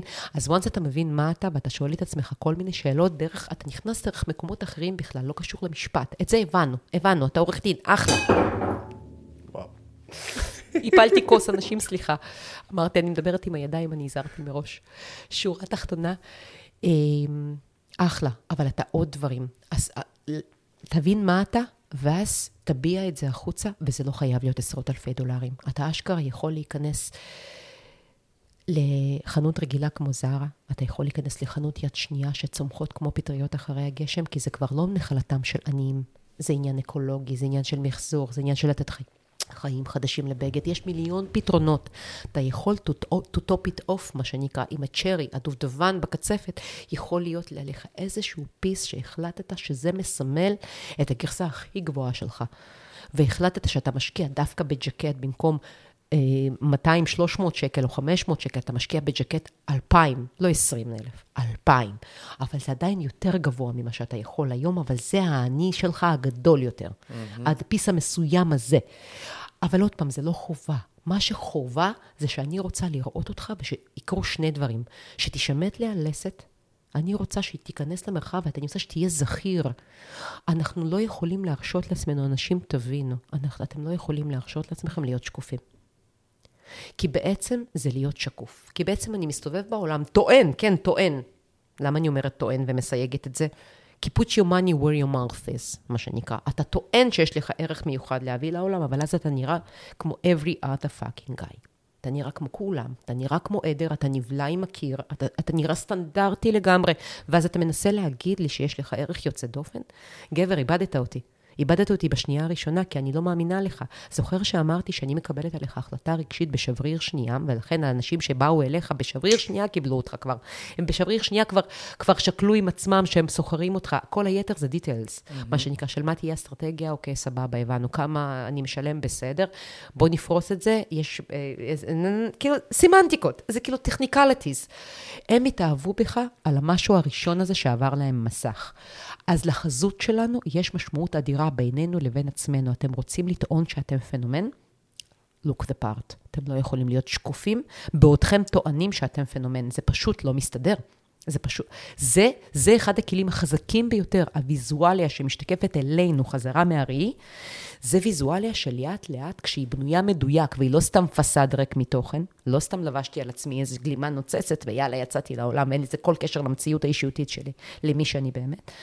זה, זה ביכולתו, כמו תנוחת סופרמן, ואם אפשר שניהם ביחד, עוד יותר טוב. זה מוציא אותי חמישה סנטימטר גבוה יותר כל פעם לעולם. עד שבסוף זה מאפשר לי להימצא שם. זאת אומרת שהכלי הראשון, קודם כל, אני, אני מת על הידע שאת מעבירה בכזאת... אה, המילים שאת משתמשת בהם, אז זה מדהים לשמוע את זה, ו... אז זה הדבר הראשון. זאת אומרת שאנחנו יכולים להשתחרר מה... באמת מהעניין הזה של מה, מה יחשבו ומה זה, זה קודם כל בחזות שלי, נכון? זאת אומרת, אם, אני- אם אני שלי. בחזות שלי, זה כבר ייתן לי את ההרגשה, זה כבר ייתן לי את מה שאני צריך כדי להיות יותר אני. בדיוק, בסוף יותר אני, זה כאילו מבחוץ לבפנים. בדיוק. זה, זה, לא, זה לאו דווקא מבחוץ לבפנים, זה סוג מבפנים לבחוץ, מבחוץ וחזרה, לבפנים. כן. וחזרה. זה כאילו לתת, את ה, לתת הלימת integrity קוראים לזה. קו integrity מיושר. הלימת integrity בין מי שאני, למה שאני הכי אוהב, למה שאני הכי לא סובל, לכל השריטות שלי, כמו שאמרתי, שמזכות אותי בבית משוגעים בימים הפחות טובים שלי, או לפחות ככה החברה קוראת לזה, הימים הפחות טובים שלי, כי התפוצצתי עכשיו על הילד. fucking אז התפוצצתי עכשיו על הילד. הגיע ל little brat, כמו שאומרים. אני צוחקת. הכוונה היא, זה לתת מקום לכל מה שאני, ולהביא את זה לידי ביטוי. אה, ואז זה חוזר אליי חזרה החוצה בצורה של אחד, אני לא כמו כולם, קודם כל. basic line כזה. קודם כל, אני לא כמו כולם. אז עכשיו כשאני אומר ללקוח הפוטנציאלי שאני רוצה לגבות ממנו שכר טרחה כפול מאיש מקביל בתחום שלי, אני אשכרה מאמין לעצמי, mm-hmm. שאני לא כמו כולם, והאנרגיה שעוברת לי, היא עוברת ללקוח הזה. כי אחרת, אני לא מאמין לעצמי, הלקוח obviously לא מאמין לי גם, כי אני נבלע עם הקיר, אני לא אזהה אותך ברחוב מחר. על מה אתה מדבר? אתה מבין? להיות זכיר זה אחד, להיראות זכיר, ושתיים, שחלילה חלילה לא תחשבו שאמרתי לשים על עצמכם את הפסאד ואת המסכה הנוצצת של קרדשיין, כי אתם לא קרדשיין, אלא לשים על עצמכם את הפסאד שהוא אקסטרווגנטי והוא מיוחד והוא יוצא דופן והוא מש... אה, מבטא אתכם, אתכם אבל, לא מישהו אחר. לא מה שמצופה מאיש מצליח בתחומכם להיראות. אתכם, שמבטא אתכם. זה כלי מספר אחד, לתפוס את האומץ הזה. הכלי השני שכבר אמרתי אותו, ואז נניח עשיתם זאת, והקשבתם למאיה, ויצאתם לעולם, ואז יש את הוואי, וואי, וואי, אני, זה עכשיו בטח חושב עליי, זה עכשיו בטח לא מבין מאיפה נפלתי, במיוחד אנשים שהכירו אותי לפני כן, פתאום אני משתנה. קרה לי מלא לקוחות. זה קרה לי עם לקוחות שהם שכירים בדרגות בכירות, נניח, אה, אתה יודע, מנהל פיתוח בהייטק. כן, כאילו, מה קרה ל... מה, נסגר איתך? איפה, מה שנקרא המוכר והאהוב, so called, כן? ואז היכולת להימצא בספרת הזה, יואו, ועכשיו, מה, מה קורה? בעצם זה לא רק מה יגידו, זה שאתה בעצם נכנס לחדר, וברור לך, ברור לך, שכולם חושבים משהו, יש להם דעה. לכולם יש עכשיו דעה על איך שאתה נראה. לכולם, אבל בלי יוצא דופן, חלקם מבטאים אותה, חלקם לא מבטאים אותה, כי זה כבר הפחד שלהם מקונפליקטים. אבל יש דעה. ואז אני אמרתי בתחילת הפודקאסט, הפתרון לדבר הזה, זה שאם אתם באמת רוצים לצמוח לממדים של אתם מובילי דרך בתחום שלכם, בהכרח אתם תפלגו. אתם לא יכולים למצוא חן בעיני כולם. אתם לא האחד הזה שכל המספרים מתחלקים בו, שהם המחנה המשותף הנמוך ביותר, כי אתם לא יכולים באותו, באותה נשימה להגיד, אני רוצה להוביל דרך, אני רוצה להיות הכי טוב, אני רוצה להיות מותג, ואז להתנהל, להיראות, לדבר כמו כל היתר. זה פשוט לא עובד, זה פער integrity. אז אתם זו, לא... זאת, דרך אגב, זה לדעתי ההתמודדות הכי קשה של אנשים. ברור, בוודאי, אז לכן אמרתי את זה כדבר ראשון. נכון. סתם לדוגמה, יש לי סרטון בטיקטוק שהגיע, לא יודע, כבר קרוב ל-200 אלף uh, צפיות. ויש לי שם מלא מלא, וטיקטוק זה טיקטוק. מי שעדיין לא חווה הרבה צפיות בטיקטוק והרבה תגובות, זה כאילו אנשים שהם מאוד מאוד, uh, איזושהי דעה מאוד מוזרה. ופתאום לא, לא הייתי רגיל לזה יותר מדי. אה, פייסבוק וזה, אין הרבה נאצה כאלה. בטיקטוק זה אנשים אה, באים אה, לקטול. וכאילו, כשחשבתי על זה אז, כשהייתי מעלה פוסטים וזה, ומה יחשבו ומה זה, זה תמיד עלה לי בראש. היום כבר לא, וכאילו אתה מסתכל על זה ואתה אומר, בואנה, זה, זה באמת לא נוגע בי. כאילו הדברים זה האלה. שלהם. כן, זה, זה, זה לא, שלהם. זה לא נוגע בי. נכון. להפך, אני מסתכל על זה, אני אומר, איזה כיף שהוא רשם את זה, כי עכשיו זה יכול לגרור שיחה עם עוד אנשים, ואז לאלגוריתם זה טוב, מהמם. ול... נכון. זה בדיוק, זה טוב. נכון, נכון. אבל עדיין, כאילו אם אני מסתכל עליי, כי אני בן אדם מאוד טוטאלי בעניין הזה, ואני כשזה הפריע לי, באמת, הדבר הזה של מה יחשבו עליי, מה זה, זה, אני, זה משהו שפיתחתי לי כאילו ב, בשנתיים האחרונות.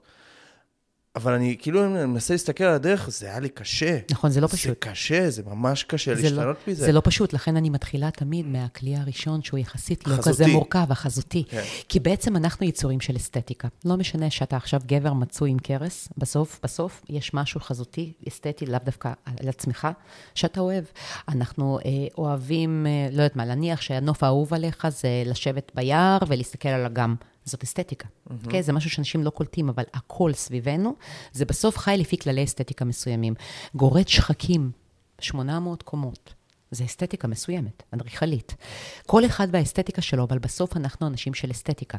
מה שזה אומר, זה שזה אחד הכלים הקלים להיכנס דרכו, דרך החלון המסוים אבל הזה. זה לא, זה לא יוצר אולי הפוך? זאת אומרת, אם יצרתי, mm-hmm. בוא נגיד, לא לקחתי את מאיה שתעזור לי, לקחתי את השאלות, הקשבתי למאיה, נכנסתי לעמוד שלה כי יש לה עוד הרבה טיפים והרבה זה. למדתי, אמרתי, טוב, אני עושה שינוי, mm-hmm. אני עכשיו קונה את הבגדים, עושה את הדברים, סבבה, mm-hmm. עשיתי את זה. Mm-hmm. ואז פתאום, אולי אני מרגיש שאני צריך אה, לעמוד באיזה סטנדרט מסוים. מה הכוונה? הכוונה היא כאילו, אני מתחיל לעשות שינוי, mm-hmm. ואז אני רגע יוצא מהמקום הנוח שלי, mm-hmm. ואז אני גם איפשהו אולי מרגיש קצת לא אותנטי, כי פתאום, אני לא רגיל, אני לא... זה, אני פתאום מקבל תגובות שונות, ופתאום... את, את מבינה אני מבינה, למה אתה את מת... אני מבינה למה אתה מתכוון.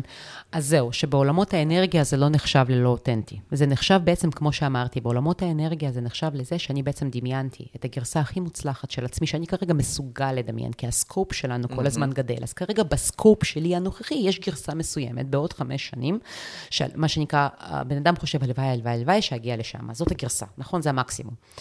והיום אני נראה, מדבר ומתנהג כמו הגרסה הזאת, זה לא נחשב ללא אותנטי. זה נחשב למה שאמרנו, זה כבר קרה, mm-hmm. זה כבר קיים, אנרגטית, רוחנית, כל אחד והגובה שיח שלו בעולמות תודעה, אבל זה כבר קיים, פשוט אני עוד לא גיליתי את הדלת. או את הכמה דלתות, או את ההזדמנויות, או את השרשרת אירועים שזקוקה לקרות על מנת שזה זה, זה יתממש במציאות שלי. אבל זה כבר קיים, הדבר הזה מבחינתי. אה, זה כבר, פשוט העולם עוד לא גילה ואני עוד לא גיליתי. אז אני רגע רוצה לחזור על הכלי הראשון, שאמרת שהכלי הראשון זה הכלי החזותי, זה בעצם להיראות כמו מה שנקרא אני העתידי שלי, אני בעוד חמש שנים, מה שאני רואה שאני רוצה להיות, להיראות ברמה חזותית כזה. ולבטא את כל האישיות שלך, mm-hmm. זאת אומרת, לא רק את האישיות העסקית, אם אנחנו פה כן, מדברים כן, על... ברור. את כל האישיות שלך. Mm-hmm. זה, זה תקף אגב גם לדייטים, זה תקף לכל הספירות שלנו. ברור, ברור, זה, זה לא רק יחסים זה. יחסים, ברור, זה לא יחסים זה עסקים. יחסים, זה להיראות בדיוק כמו שאתה. בפנים. זאת אומרת, אישה שעכשיו אה, אה, רוצה להיראות נשית, כי היא יוצאת לדייט ראשון ומצופה ממנה להיראות נשית, אז היא שמה איזושהי חולצת מלמלה ושמלה נננה, וכאילו היא נראית כולה רומן רומנטי. אבל אז, אחרי דייט שלישי, הוא פוגש את כל השדים שלה. ואז פתאום היא בכלל. מתלבשת כמו גבר, והיא, והיא, והיא בכלל. היא- עזוב את זה, מדברת כמו גבר, מתפקדת כמו גבר. זאת אומרת, בעצם הוא, נוצרה שם ציפייה לאישה הרומנטית, לבית קטן בערבה, אבל אז יצא לו מקית. והיא מקית, אז למה לעזאזל ללבוש מלמלות? זאת הכוונה שלי, את מייצרת ציפייה שהיא לא אותנטית, ויש סיבה שזה מתפרק. אז החזותיות היא הגרסה הכי גדולה, הכי טובה שאת מסוגלת, אתה מסוגלים לדמיין עכשיו, שמבוססת על מה שאתה, אותנטי. את זה, כלי אחד.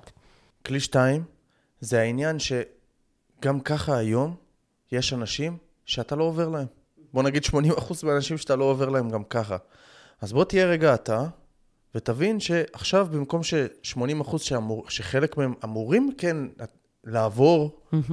לא עוברים היום כי אתה לא מוציא את מי שאתה באמת. אז בוא תוציא את מי שאתה באמת, ועכשיו ה-20% שיה, שזה יעבור להם, יהיו האנשים שלך. בדיוק. אנשים שאתה רוצה להיות איתם ביחסים. בדיוק. לא משנה בעסקים וזה, אוקיי. בדיוק. והכלי השלישי והאחרון, הכלי השלישי והאחרון, אה, זה מה שאתה קראת לו ככה בשיחת מסדרון מקודם, דיברנו על בעצם על, על הפגיעות, על הלהיחשף. בעצם אנחנו חווים את זה כפגיעות כשאני נחשף. למה אנחנו חווים? כי אנחנו משלמים מחיר על הפגיעות הזאת. זה בעצם ההמשך הישיר של הכלי השני בגדול. כי בעצם אם אני עכשיו אהיה כל מה שאני, אז היא לא תאהב אותי, והיא לא תרצה לצאת איתי לדייט שלישי. וההוא לא יסגור איתי עסקה, ואני ממש צריך את הכסף כרגע. וטטטי וטטטה, והחברה המסוימת הזאת לא תרצה יותר להיראות בחברתי שאני אביע את הדעות שלי. בעצם זאת הפגיעות, לזה אנחנו קוראים פגיעות, כי בעצם ינטשו אותנו. ינטשו אותנו, בגדול, אנחנו מפחדים להינטש. זה הטבע האנושי, אנחנו רוצים להשתייך לקהילה, אנחנו רוצים להשתייך לשבט. זה הטבע שלנו. ההבחנה היחידה שאני עושה זה לאיזה שבט, לאיזו קהילה. זאת אומרת, במילים אחרות, הדבר הזה שאנחנו קוראים לו פגיעות, היא לא כל כך פגיעות בעיניי, כי בעצם אנחנו חווים את זה כמחיר. Mm-hmm. אני לא אגיד לכם, אוקיי, אז תחליטו שאתם משלמים מחיר מסוים. תחליטו את גבול הסיכון שלכם. תחליטו שאתם תהיו אותנטיים, זה אומר שהחוג חברים המסוים הזה יתנתק מכם, בן הזוג הזה לא יצא איתכם, הלקוח הזה לא יחתום על העסקה, 100K לא ייכנסו לבנק. זה גבול המחירים, so called, שאנחנו כרגע שנייה שמים על השולחן, מעכלים אותם ואומרים, אוקיי, אני הולך על האותנטיות שלי, אלה גבול המחירים, אני מגבה את עצמי ואני משלם אותם. אבל למול המחירים יש גם את הפוטנציאל. יפה, אז אני רוצה שנייה לעשות את זה אפילו עוד יותר מוקדם מהפוטנציאל. אני לא קוראת לזה מחיר. זאת אומרת, אני בחוויה שלי זה בכלל לא מחיר. לקרוא לזה מחיר זה by definition אומר שאני מפסיד משהו. אז אני רוצה להגיד לכם, אוקיי, מה שאתם קוראים לו, אני מפסיד משהו, אני מפסיד את הלקוח, אני מפסיד את הבת זוג, אתם לא מפסידים, או אם כבר, בואו ננסח את זה כמוכם, אתם מפסידים, אבל את האנשים שמלכתחילה לא נכונים בשבילכם. Mm-hmm. מה שקורה במילים אחרות זה שאתם כרגע, מה שאתם באמת מפסידים, כשאתם נראים כמו כולם ואתם חלק מעדר, אתם מפסידים את האמיתיים שלכם. זאת אומרת שאם עכשיו אתה דו-מיני בארון, בואו ניקח את זה לשם. מיניות תמיד נושא מעניין לשיחה. אתה עכשיו דו-מיני בארון. ולמעשה בזמנך הפנוי אתה מת, מת, מת ללבוש איזה נצנץ, איזה פייט, איזה שמלה נוצצת, אבל אתה מסתובב כולך מאצ'ו עם השרירים שלך, עם הזה שלך, עם החליפה שלך, אבל...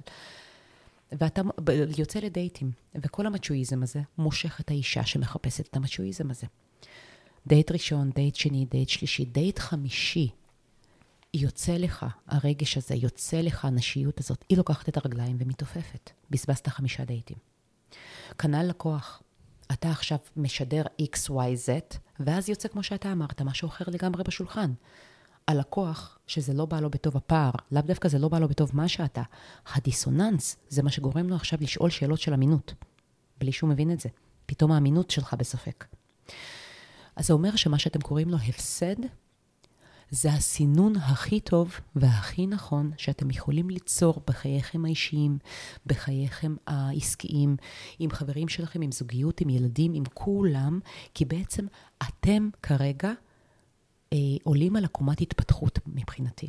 זאת אומרת, אינטגריטי ואותנטיות ולהיות נאמן לעצמך ולהיות בסנטר שלך זה שלב התפתחותי.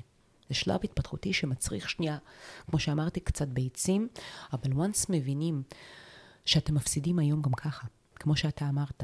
בעצם אתם היום מושכים אל עצמכם אנשים שהם בזבוז זמן עבורכם, או לחילופין בזבוז אנרגיה. נניח התחתנתם עם האישה הזאת, ואתם חיים בנישואין אנרטיים, עשר שנים, חמש עשר שנים, שלושה, ארבעה ילדים, עשרים שנה. אתם חיים בנישואים אנרטיים, כי זה לא הקוטביות המדויקת למה שאתם. זה לא האדם המדויק. אה, נניח לא, לא השכלתם לפני 30 שנה לפרק את החבילה הזאת, כי אז לא היה נהוג לפרק חבילות. בסדר? נניח אתם עם לקוח, כמה לקוחות פגשנו לפני שעלינו על המסלול המסוים הזה של נאמנות, ששאבו לנו את האימא של האנרגיה ולא ידענו מה לעשות עם הדבר הזה ולא הבנו למה. כי הם לא הלקוחות הנכונים, כי הם נמשכו לדמות שייצרנו, שהוצאנו החוצה, כי זו הדמות שציפו מאיתנו. אבל הם שאבו אותנו, ואנחנו ידענו הכי טוב, והם שאבו אותנו. כי זה לא בן אדם המדויק. זאת אומרת, הסינון קורה כבר זה, וזה לא רק זה, זה גם קשה לשחק את הדמות. לאורך זמן. זאת אומרת, את היועץ עסקי, נגיד, שאני ראיתי בעיניים שלי שאני צריך להיות, mm-hmm. שמבין ב-X, Y, Z, שחזק ככה וככה וככה, שנראה ככה וככה וככה, mm-hmm. זה חתיכת אתגר, זה אתגר לדעתי בלתי אפשרי להחזיק לטווח ארוך, שאני צריך לשחק את התפקיד הזה. עכשיו, זה לא שהרגשתי שאני משחק אתה תפקיד. אתה יכול, אתה יכול, אבל אז אתה נכנס לדיכאון. אתה יכול. אתה יכול. היה, היה ראיון עם ג'ים קרי, ממש לפני כמה ימים מוצף לי על הפיד. ג'ים קרי הרי כל הזמן בתוך דמויות קומיות, במשך שנים. עכשיו, הוא אה, דיבר על זה שדיפרס, depression, סליחה, depression, או דיכאון באנגלית, אה, אז הוא לקח את זה למקום של when you are depressed, this is, this is your body's way of saying that you need deep rest wow. from the character, from the character that you are portraying, מה שנקרא, מהדמות שאתה משחק. דיכאון הוא בדרך כלל תוצאה של פער integrity. שאני מציג דמות א', אבל deep down אני בכלל משהו אחר לחלוטין. אז, אז, אז אני אגיד לך מאיפה זה בא אצלי ואיך ראיתי את הקושי, כי אני, כשאני התחלתי לייעץ, כל הזמן אמרו, ואני שמעתי מאנשים שאני עקבתי אחריהם והלכתי אחריהם, יועץ עסקי לא יכול להיות חבר של הלקוח. זה מה, ש... זה מה שיצרו לי. בסדר? זה מה שיצרו, ואמרתי, אוקיי, אני מאמין לבן אדם, אני הולך אחרי הבן אדם הזה, אוקיי. ופתאום ראיתי שאני לא אוהב את זה. לא כיף לי. כאילו, אוקיי, זה, וזה גם מתבטא בתוצאות, זה מתבטא בהכל. ברור. לא אוהב לבוא לפגישה ויאללה. משימות א', ב', ג', מאוד... יש אנשים שזקוקים ליועץ המיליטנטי. נכון, הם פשוט נכון, לא הלקוח נכון. שלך. זה לא הלקוח שלי. בדיוק, הם פשוט לא הלקוח שלך. אנשים, תבינו, הכל לגיטימי, כל השיטות לגיטימיות, פשוט זה לא הלקוח המדו- המדויק של מייקל. ואני ההפך היום. אני, גם ליועצים שלי, אני מעביר למטה, שאני רואה שחלק מהיועצים שלי הם יותר אה, עובדים עם מיילים, עובדים מאוד אה, כזה יועץ עסקי. אני אומר להם, תקשיבו, זה, זה לא השפה שלנו, וכאילו הם עושים את זה כי זה לא הם באמת. כי אני מכיר את היועצים באמת, והם יותר כי חברים. ככה הם חונכו. בדיוק, ככה הם חונכו שיועץ עסקי צריך להראות כן, מאוד כן. סמכות, מאוד זה. אז אני אומר להם, תדברו על החיים, תיכנסו, תראו אפילו גם אתם קצת פגיעות, כי זה נותן ללקוח ברור. את המקום לפרוק לידך, הוא מרגיש בנוח לעשות את זה לידך, וזה בסדר, אתה לא צריך להראות לו את זה, וזה מה שעובד לי. כי זה השפה שלנו, זה השפה שלנו בחברה, ופתאום אני רואה את ה- את הדבר הזה, וזה השטויות שנכנסו לי לראש, שהן לא היו נכונות לי. כן חשוב רגע להגיד משהו, אני אסייג את זה, כי כל דבר שאנחנו אומרים, צריך לסייג את זה בכמה נקודות חשובות. יש את כל מה שנקרא השיטה של יצירת רפור, אוקיי? אז יצירת רפור, אם אני אשכרה על זה, מה שנקרא, ואני מנסה ליצור רפור, וגם מצליחה, היא מניפולטיבית. אוקיי? זאת אומרת, הבן אדם יושב בתנוחה מסוימת, אני מתיישבת כמוהו, אני יוצרת רפור בתת מודע שלו, הוא בכלל לא מבין את זה. הבן אדם חושף בפניי עכשיו פיסת מידע אולטרה רגישה, נניח היום בבוקר הוא רב עם אשתו, אלוהים יודע על מה, ואני חושפת, "אה, כן, אתה יודע, גם אני ובעלי היום התכסחנו. זה מניפולטיבי, אנחנו לא מדברים על זה. אנחנו לא מדברים על להשתמש מניפולטיבית בפגיעות, אנחנו מדברים על להיות על האמת שלך. אנחנו מדברים על להיחשף במקומות שבהם אתה לא מאה, להיחשף במקומות שאתה בהם עדיין בתהליך, להיחשף במקומות שאתה אה, אה, עד כה פירשת בתור אה, כישלון, הופך אותי לפחות מקצועי, פחות נחשק בתור whatever, אוקיי, סבבה? זה כמו שאם אני אקח את זה בהכי הכי שטחי, אני כהנת הסטייל, אגיע היום באיזה outfit מזעזע, וכולם כזה, what the fuck, איפה הטעם שלה? כאילו, כזה. אז גם לי יש ימים כאלה, יש- הכוונה היא ימים רעים, וזה לא רק על הסטייל, זה גם על היכולות הכלה שלי ויכולות אימון שלי, וגם אני מתפוצצת על הילדים, אני תמיד צוחקת על זה, כי אני כל היום מכילה לקוחות. אמרתי, הסטייל הוא ה photo finish. בסוף אני מעבירה אותם איזשהו תהליך רגשי, אימוני, וטטטי וטטטה, ואני NLPיסטית ואני מאמנת, ויש לי כל מיני כלים מפה עד מחרתיים, וכל מה שאני חווה גם כשמטפלים בי, אני כמו סוג של ערוץ סופג, ואז אני כאילו, זה עובר דרכי ואני מעבירה את זה ללקוח. שלל כלים. בסוף, בסוף, עם כל הכלים שלי, אני חוזרת הביתה, ופוגשות אותי ערימות של כאוס בסלון, ולפני רגע הייתה מנקה literally באותו בוקר. ואני כמו האיש ה-OCDיסט ההוא, שאני כזה, יואו, אלוהים שיעזור לי. אני מרימה אותם כמו חיילים, יוצאת לי הסובייטית, אני מרימה אותם כמו חיילים כזה, עכשיו לעמוד פה לדום, עכשיו, אתה על זה, את על זה, את על זה ואת על זה. ואני יודעת, ויש לי את כל הכלים לנהל את זה אחרת. אבל בואו נהם ארבעה, והם גוברים עליי, ואני לבד, לא לבד, אני נשואה, אבל גם הוא ילד בן ארבע, במונחים האלה. אה, שורה תחתונה, זה שבאותו רגע, אני רואה את עצמי עם המעוף הליקופטר, אני מבינה לחלוטין שיש דרך יותר רגשית, יותר מכילה, יותר רותמת. יו- אה, אה, אוקיי, זה אפקטיבי עכשיו. עכשיו זה אפקטיבי. זאת אומרת, זה היכולת הזאת לראות את כל ההיבטים שלך, ולתת להם מקום, ולתת להם תוקף. זה לא כי אני מאמנת מאסטר באימון ו-NLP וטטטי, אני לא מרימה את הכל. וואלה, כן, אני מרימה את הכל, כי עכשיו זה אפקטיבי. כי זה הכנות שלי עכשיו. כי עכשיו זה יסגור לי את הפינה, בחמש דקות יהיה לי בית. במקום בחמש שעות של לרתום אותם. סבבה? זו תגובה משעשעת וקיצונית, אבל אני מתכוונת להגיד שכן. כן, בסוף זה לא מניפולציה, זה רק לקבל את העובדה של כל מה שאנחנו, עם הפגיעות הזאת שלנו, על כל האספקטים שלה, ולאו דווקא לאהוב את זה, כמו שאמרתי, כי לאהוב זה אומר שזה משאיר מעט מאוד מקום לשינוי. אני שואפת להיות האימא שמסוגלת להיכנס הביתה, והבית עומד על הראש, ולהגיד, יואו, כמה אני התגעגעתי אליכם, בואו נסדר ביחד. אני מתה להיות האימא הזאת, עוד לא הגעתי לשם. הכוונה היא, אבל אני מקבלת את העובדה הזאת. אני מקבלת את העובדה הזאת שאני לא כולי happy happy joy joy, אני לא כולי ורוד, אני לא מייצרת שום הצגות של אני כולי מושלמת, ואני כולי ורוד, ואין לי נקודות שלוחצים לי עליהן, וכל, all hell breaks loose, כן? יש לי, מלא. וזאת הפגיעות הזאת. מהמקום הזה של אני בן אדם, מלאה בשריטות, מלאה בעוצמות גם, מלאה בחשיבה אחרת מחוץ לקופסה, מלאה במלא דברים, מלא. וכל הקצוות האלה, זאת אני.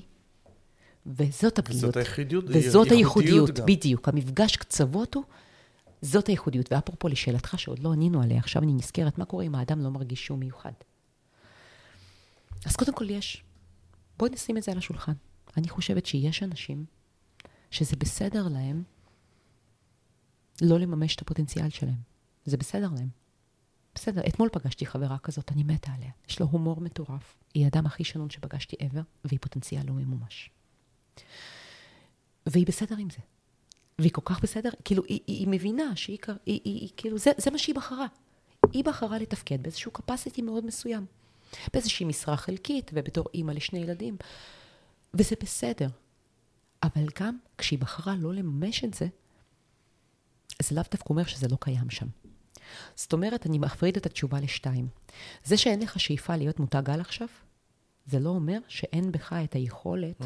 לתקשר ולדבר כמו כל הייחודיות שלך.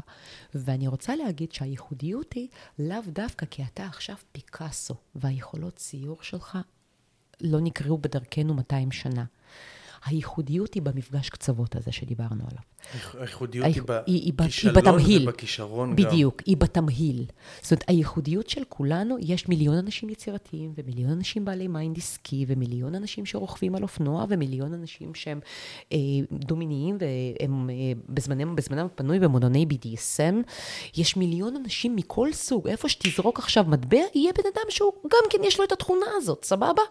אבל התערובת המאוד מסוימת של כל התכונות האלה in one, היא שלנו. Mm-hmm. ונכון, יש אולי עוד כמה כאלה, אבל זה כבר לא במיליונים, mm-hmm.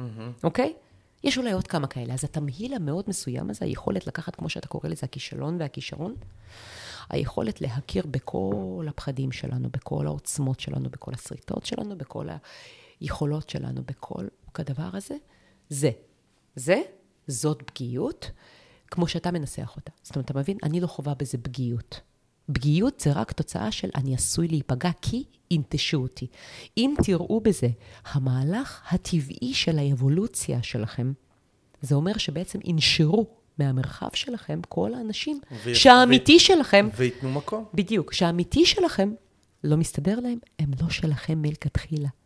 אבל גם הם ייתנו מקום. בדיוק, ואז תתפנה ש... אנרגיה. בדיוק. ואז תתפנה אנרגיה לאמיתיים באמת. אז יש לי איזה שלב, שהוא המחיר היחיד בעיניי, אגב, של phase in, phase out. יש שלב שאתה מפנה פרויקטים, שאתה אשכרה נאבק ושואבים לך מלא אנרגיה, כי הלקוחות, מה לעשות, לא עושים את מה שאתה מבקש. או במקרה שלי, נאבקים כל הדרך, שילמו לי את כל מה שאני דורשת, ואני דורשת הרבה. שילמו לי כסף, ואני מחזיקה מרחב של התנגדות למשך שלוש-ארבע פגישות. זה לקוחות שמפנים את הדרך ללקוחות שאומרים, קחי את האשראי, מה שנקרא, אני מתמסר.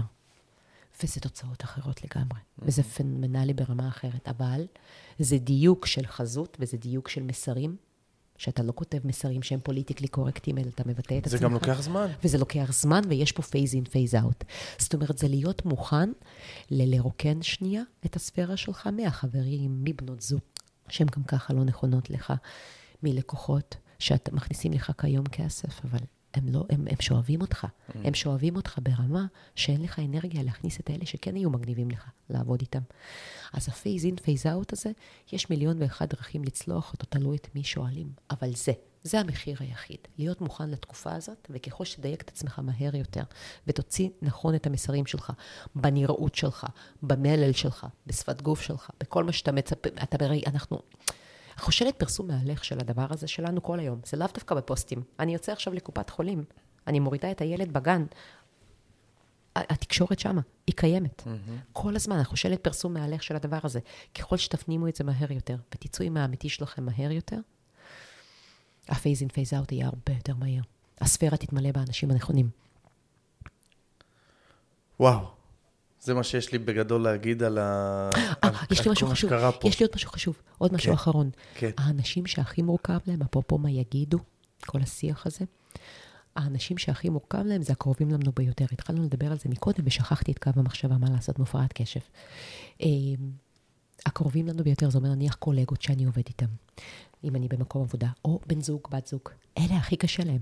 כאילו, אני יכול לקבל וואו ממלא מקומות, ואז הקרובים שכבר מכירים אותי איקס שנים נניח, זה כזה, מה נסגר איתך? מה קרה לך? מה התהפכת על הראש עכשיו? מה, מה? תקשיב, היו לי לקוחות של בנות הזוג, השאירו אותם לישון בסלון, אחרי התהליך. ואני שברתי את הראש, שבר, איך? היא אוהבת אותו, כאילו, איך? איך היא לא תומכת? הבן אדם יוצא החוצה, נושם פתאום, מביא את כולו לידי ביטוי, ואז נפל לי האסימון. אנשים נעמדים על האחוריות, ובשונה אפרופו ממה שעכשיו אמרנו, זה לא אנשים שיכולים להסתנן החוצה. יכולים, זה יכול לקרות, אנחנו יכולים להתגרש, אבל נניח אני לא מעוניין בזה, אני באמת אוהב אותה והיא באמת אוהבת אותי. נניח זה אמיתי שם היחסים, לא אינרציה, סבבה? אז הם לא הסתננו לנו החוצה מהספירה, אז איך החוק הזה עובד? אז אני אסביר לכם, מה שקורה שם, זה שנניח אנחנו נשואים 16 שנים, אני ובן הזוג שלי, ואני עוברת איזשהו שינוי התפתחותי, לא חזותי, כי חזותי אני משתנה חדשות לבקרים, אבל התפתחותי. ובעצם, מה שקורה שם, זה שהקרובים אלינו ביותר רגילים לדינמיקה מסוימת, אוקיי? אז הגבר הזה שהשכיבו אותו לישון על הספה בסלון, הדינמיקה שם הייתה של קונפורמיזם. של אני לא, לא נכנס למריבות, לא נכנס לקטנות, אם זה מה שחשוב לה, אני מוותר. זאת אומרת, הייתה שם איש עסקים, כן, אבל בתוך הבית זה היא המפקד, ואני אני, אני שומר על שקט, תעשייתי. ופתאום כשהוא בא במלוא הדרו, זה אפילו עוד לא מה הוא אמר, זה איך הוא היה נראה. האישה תפסה... ערער אותה. ערער אותה. יותר נכון, ערער את החוויה של המקום שלה בתוך הדינמיקה, כי היא רגילה למאזן עוצמות מסוים, כשהיא העוצמתית יותר.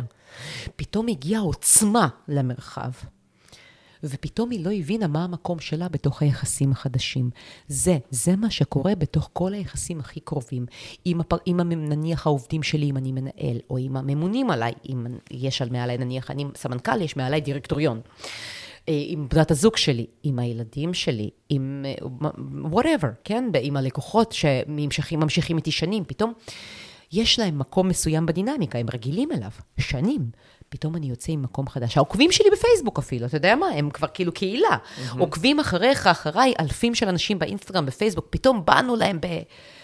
באני מאמין, אותנטי מהבטן, מהקישקע כזה, ש... took them by surprise.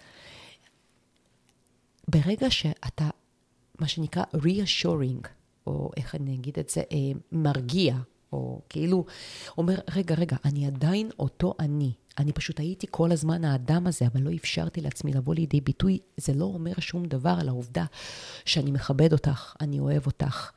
אה, אני מעריך את היכולות שלכם, אני אה, מעריך, whatever, כשאתה נותן רגע מקום לדבר הזה, אני עדיין אני, אני לא הולך לשום מקום. זה פשוט האני האמיתי. נותן יותר ביטוי חיצוני למה ש... אני נותן ביטוי לא רק חיצוני, אני נותן יותר ביטוי במילים, אבל זה לא אומר שאני לא מכבד אותך כמו שכיבדתי אותך, ואני לא מעריך אותך או לא אוהב אותך, או בתוך אה, דינמיקות עם לקוחות, זה לא אומר שאני לא מכבד את הרצונות שלכם, את החלומות שלכם, את התוכנית שקבענו. בכל ספירה יש לזה דינמיקה אחרת, אבל אם אתה נותן reassurance לבן אדם של, אתה עדיין חשוב לי, בגדול. אני עדיין רואה אותך. זה כאילו המשפט היותר מדויק. אני עדיין רואה אותך, אני רואה את הצרכים שלך. זה לא אומר, שהוא, זה, זה רק אומר שאני נותן ביטוי למה שאני, לאו דווקא פוסל את מה שאת, mm. שזה ככה מתפרש. אתה מבין? ברגע שאני נותן ביטוי למה שאני, החלק שלי עולה, החלק שלה יורד. אז זה משהו להבין אותו. נכון שכל מיני אנשים אחרים, כל מיני מערכות יחסים הסתננו החוצה וזה בסדר, אבל במקומות שבאמת חשובים לנו שהמערכת יחסים תישאר, יש שם שיחה שכדאי להחזיק את המרחב הזה. זה שאני צומח, לא אומר שב extension את קטנה. מצד שני, במערכות יחסים כאלה קרובות, ואני רואה את זה, צריך גם שהבן זוג יצמח. זה הדבר הבא בתור. צריך, זה אחרי ש... אבל לא צריך לצמוח ביחד. נכון, אבל, אבל קודם כל, כמו שדיברנו על עצמנו, לתת כבוד למה שאני. אז זה אותו שיח, אני צומח, אני קודם כל נותן כבוד למה שהיא. זה ההיא שחייתי איתה 15 שנים. זה ההיא שילדה את הילדים שלי. זה ההיא, זאתי. או בחברה, אלה העובדים שהביאו את המחלקה להישג. זה הם, אוקיי? קודם כל, רגע, מה שהביא אותנו עד הלום, הביא אותנו, בוא ניתן לו רגע, הביא אותנו. לא צריך עכשיו, וואי, אני מתפתח, בואי תתפתחי איתי מהר. לא, אבל יש...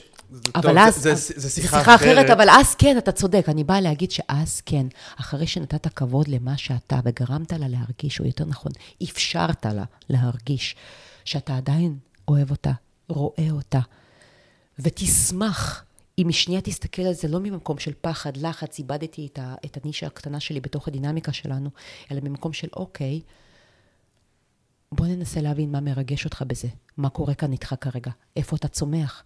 אני רוצה לעלות על הספינה הזאת. ואז לצמוח ביחד זה קרדינלי ביחסים שיצלחו. כי אז, אם לא, זה, זה נישואים שמתפרקים. Mm-hmm. ואני רק הייתי הקטליזטור. גם זה, גם זה קרה. גם אצלי אגב, זה, גם זה קרה. גם, גם אצלי זה קורה, וזה אחד הדברים שאני עדיין לא יודע איך להתמודד איתם, זה שפתאום אחד מבני הזוג, בזכות תהליכים, או בזכות עצמו בעיקר, מתקדם ומתפתח, והבן הזוג השני נשאר באותו מקום יחסית. זה לא שלך. זה, זה לא שלי, נכון, אבל זה מקום, אה, זה מקום בעייתי.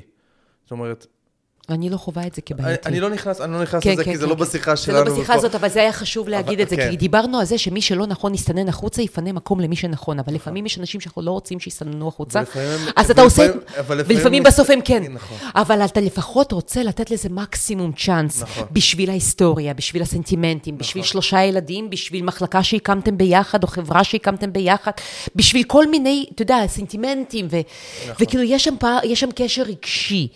אתה רוצה לתת לזה מקום, והדרך לתת לזה מקום זה לתת לה אפשרות להיראות עדיין, שזה לא השתנה, ולתת לה אפשרות ליישר איתך קו. בדיוק. וואו, מדהים, מדהים, מדהים, מדהים. אז uh, מאיה, איזה כיף. באמת, זכרתי ממש ממש לטובת הפעם הקודמת, ואת ה- מה שהיה, למרות שהיה, אני יודע, גם אצלי וגם אצלך התפתחות uh, מטורפת בזמן הזה. Um, אבל מה זה תודה על כל הערך, על כל ה... על, על מי שאת, על מה שאת נותנת פה לעולם הזה, ושאני כל פעם, אני יודע שאני אומר לך, וזה אחד הדברים שלקחתי ממך, שאני אומר לך, את באה ל- לרעיון בפודקאסט ואת כל הזמן אומרת, אם יש לי דרך להעביר את האני מאמין ומה שאני חושבת, מה שהעולם צריך ממני, בגדול זה מה שאת אומרת לי, אני שם. לעולם, אני שם. אז זה כיף, וזה גם כאילו איזשהו הלך רוח שאני לקחתי לעצמי עוד מאז, עוד מלפני שנה וחצי. אז אה, תודה רבה לך, איזה כיף. באהבה גדולה. ואנחנו הולכים להיפגש הרבה בשנה הקרובה נכון, בזה, ואני מה זה. מתרגש מזה. תקשיבו, אני, בואו, אנחנו לא נהיה אנשי עסקים אם לא נגיד את זה עוד פעם. אני עולה ביום רביעי הקרוב, כן, כן, בעוד כמה ימים. למרות שעד שהפודקאסט הזה ישודר, יש מצב שהפוד... שאנחנו כבר נהיה באוויר, אז תקשיבו, אז מחדש. אנחנו נהיה באוויר.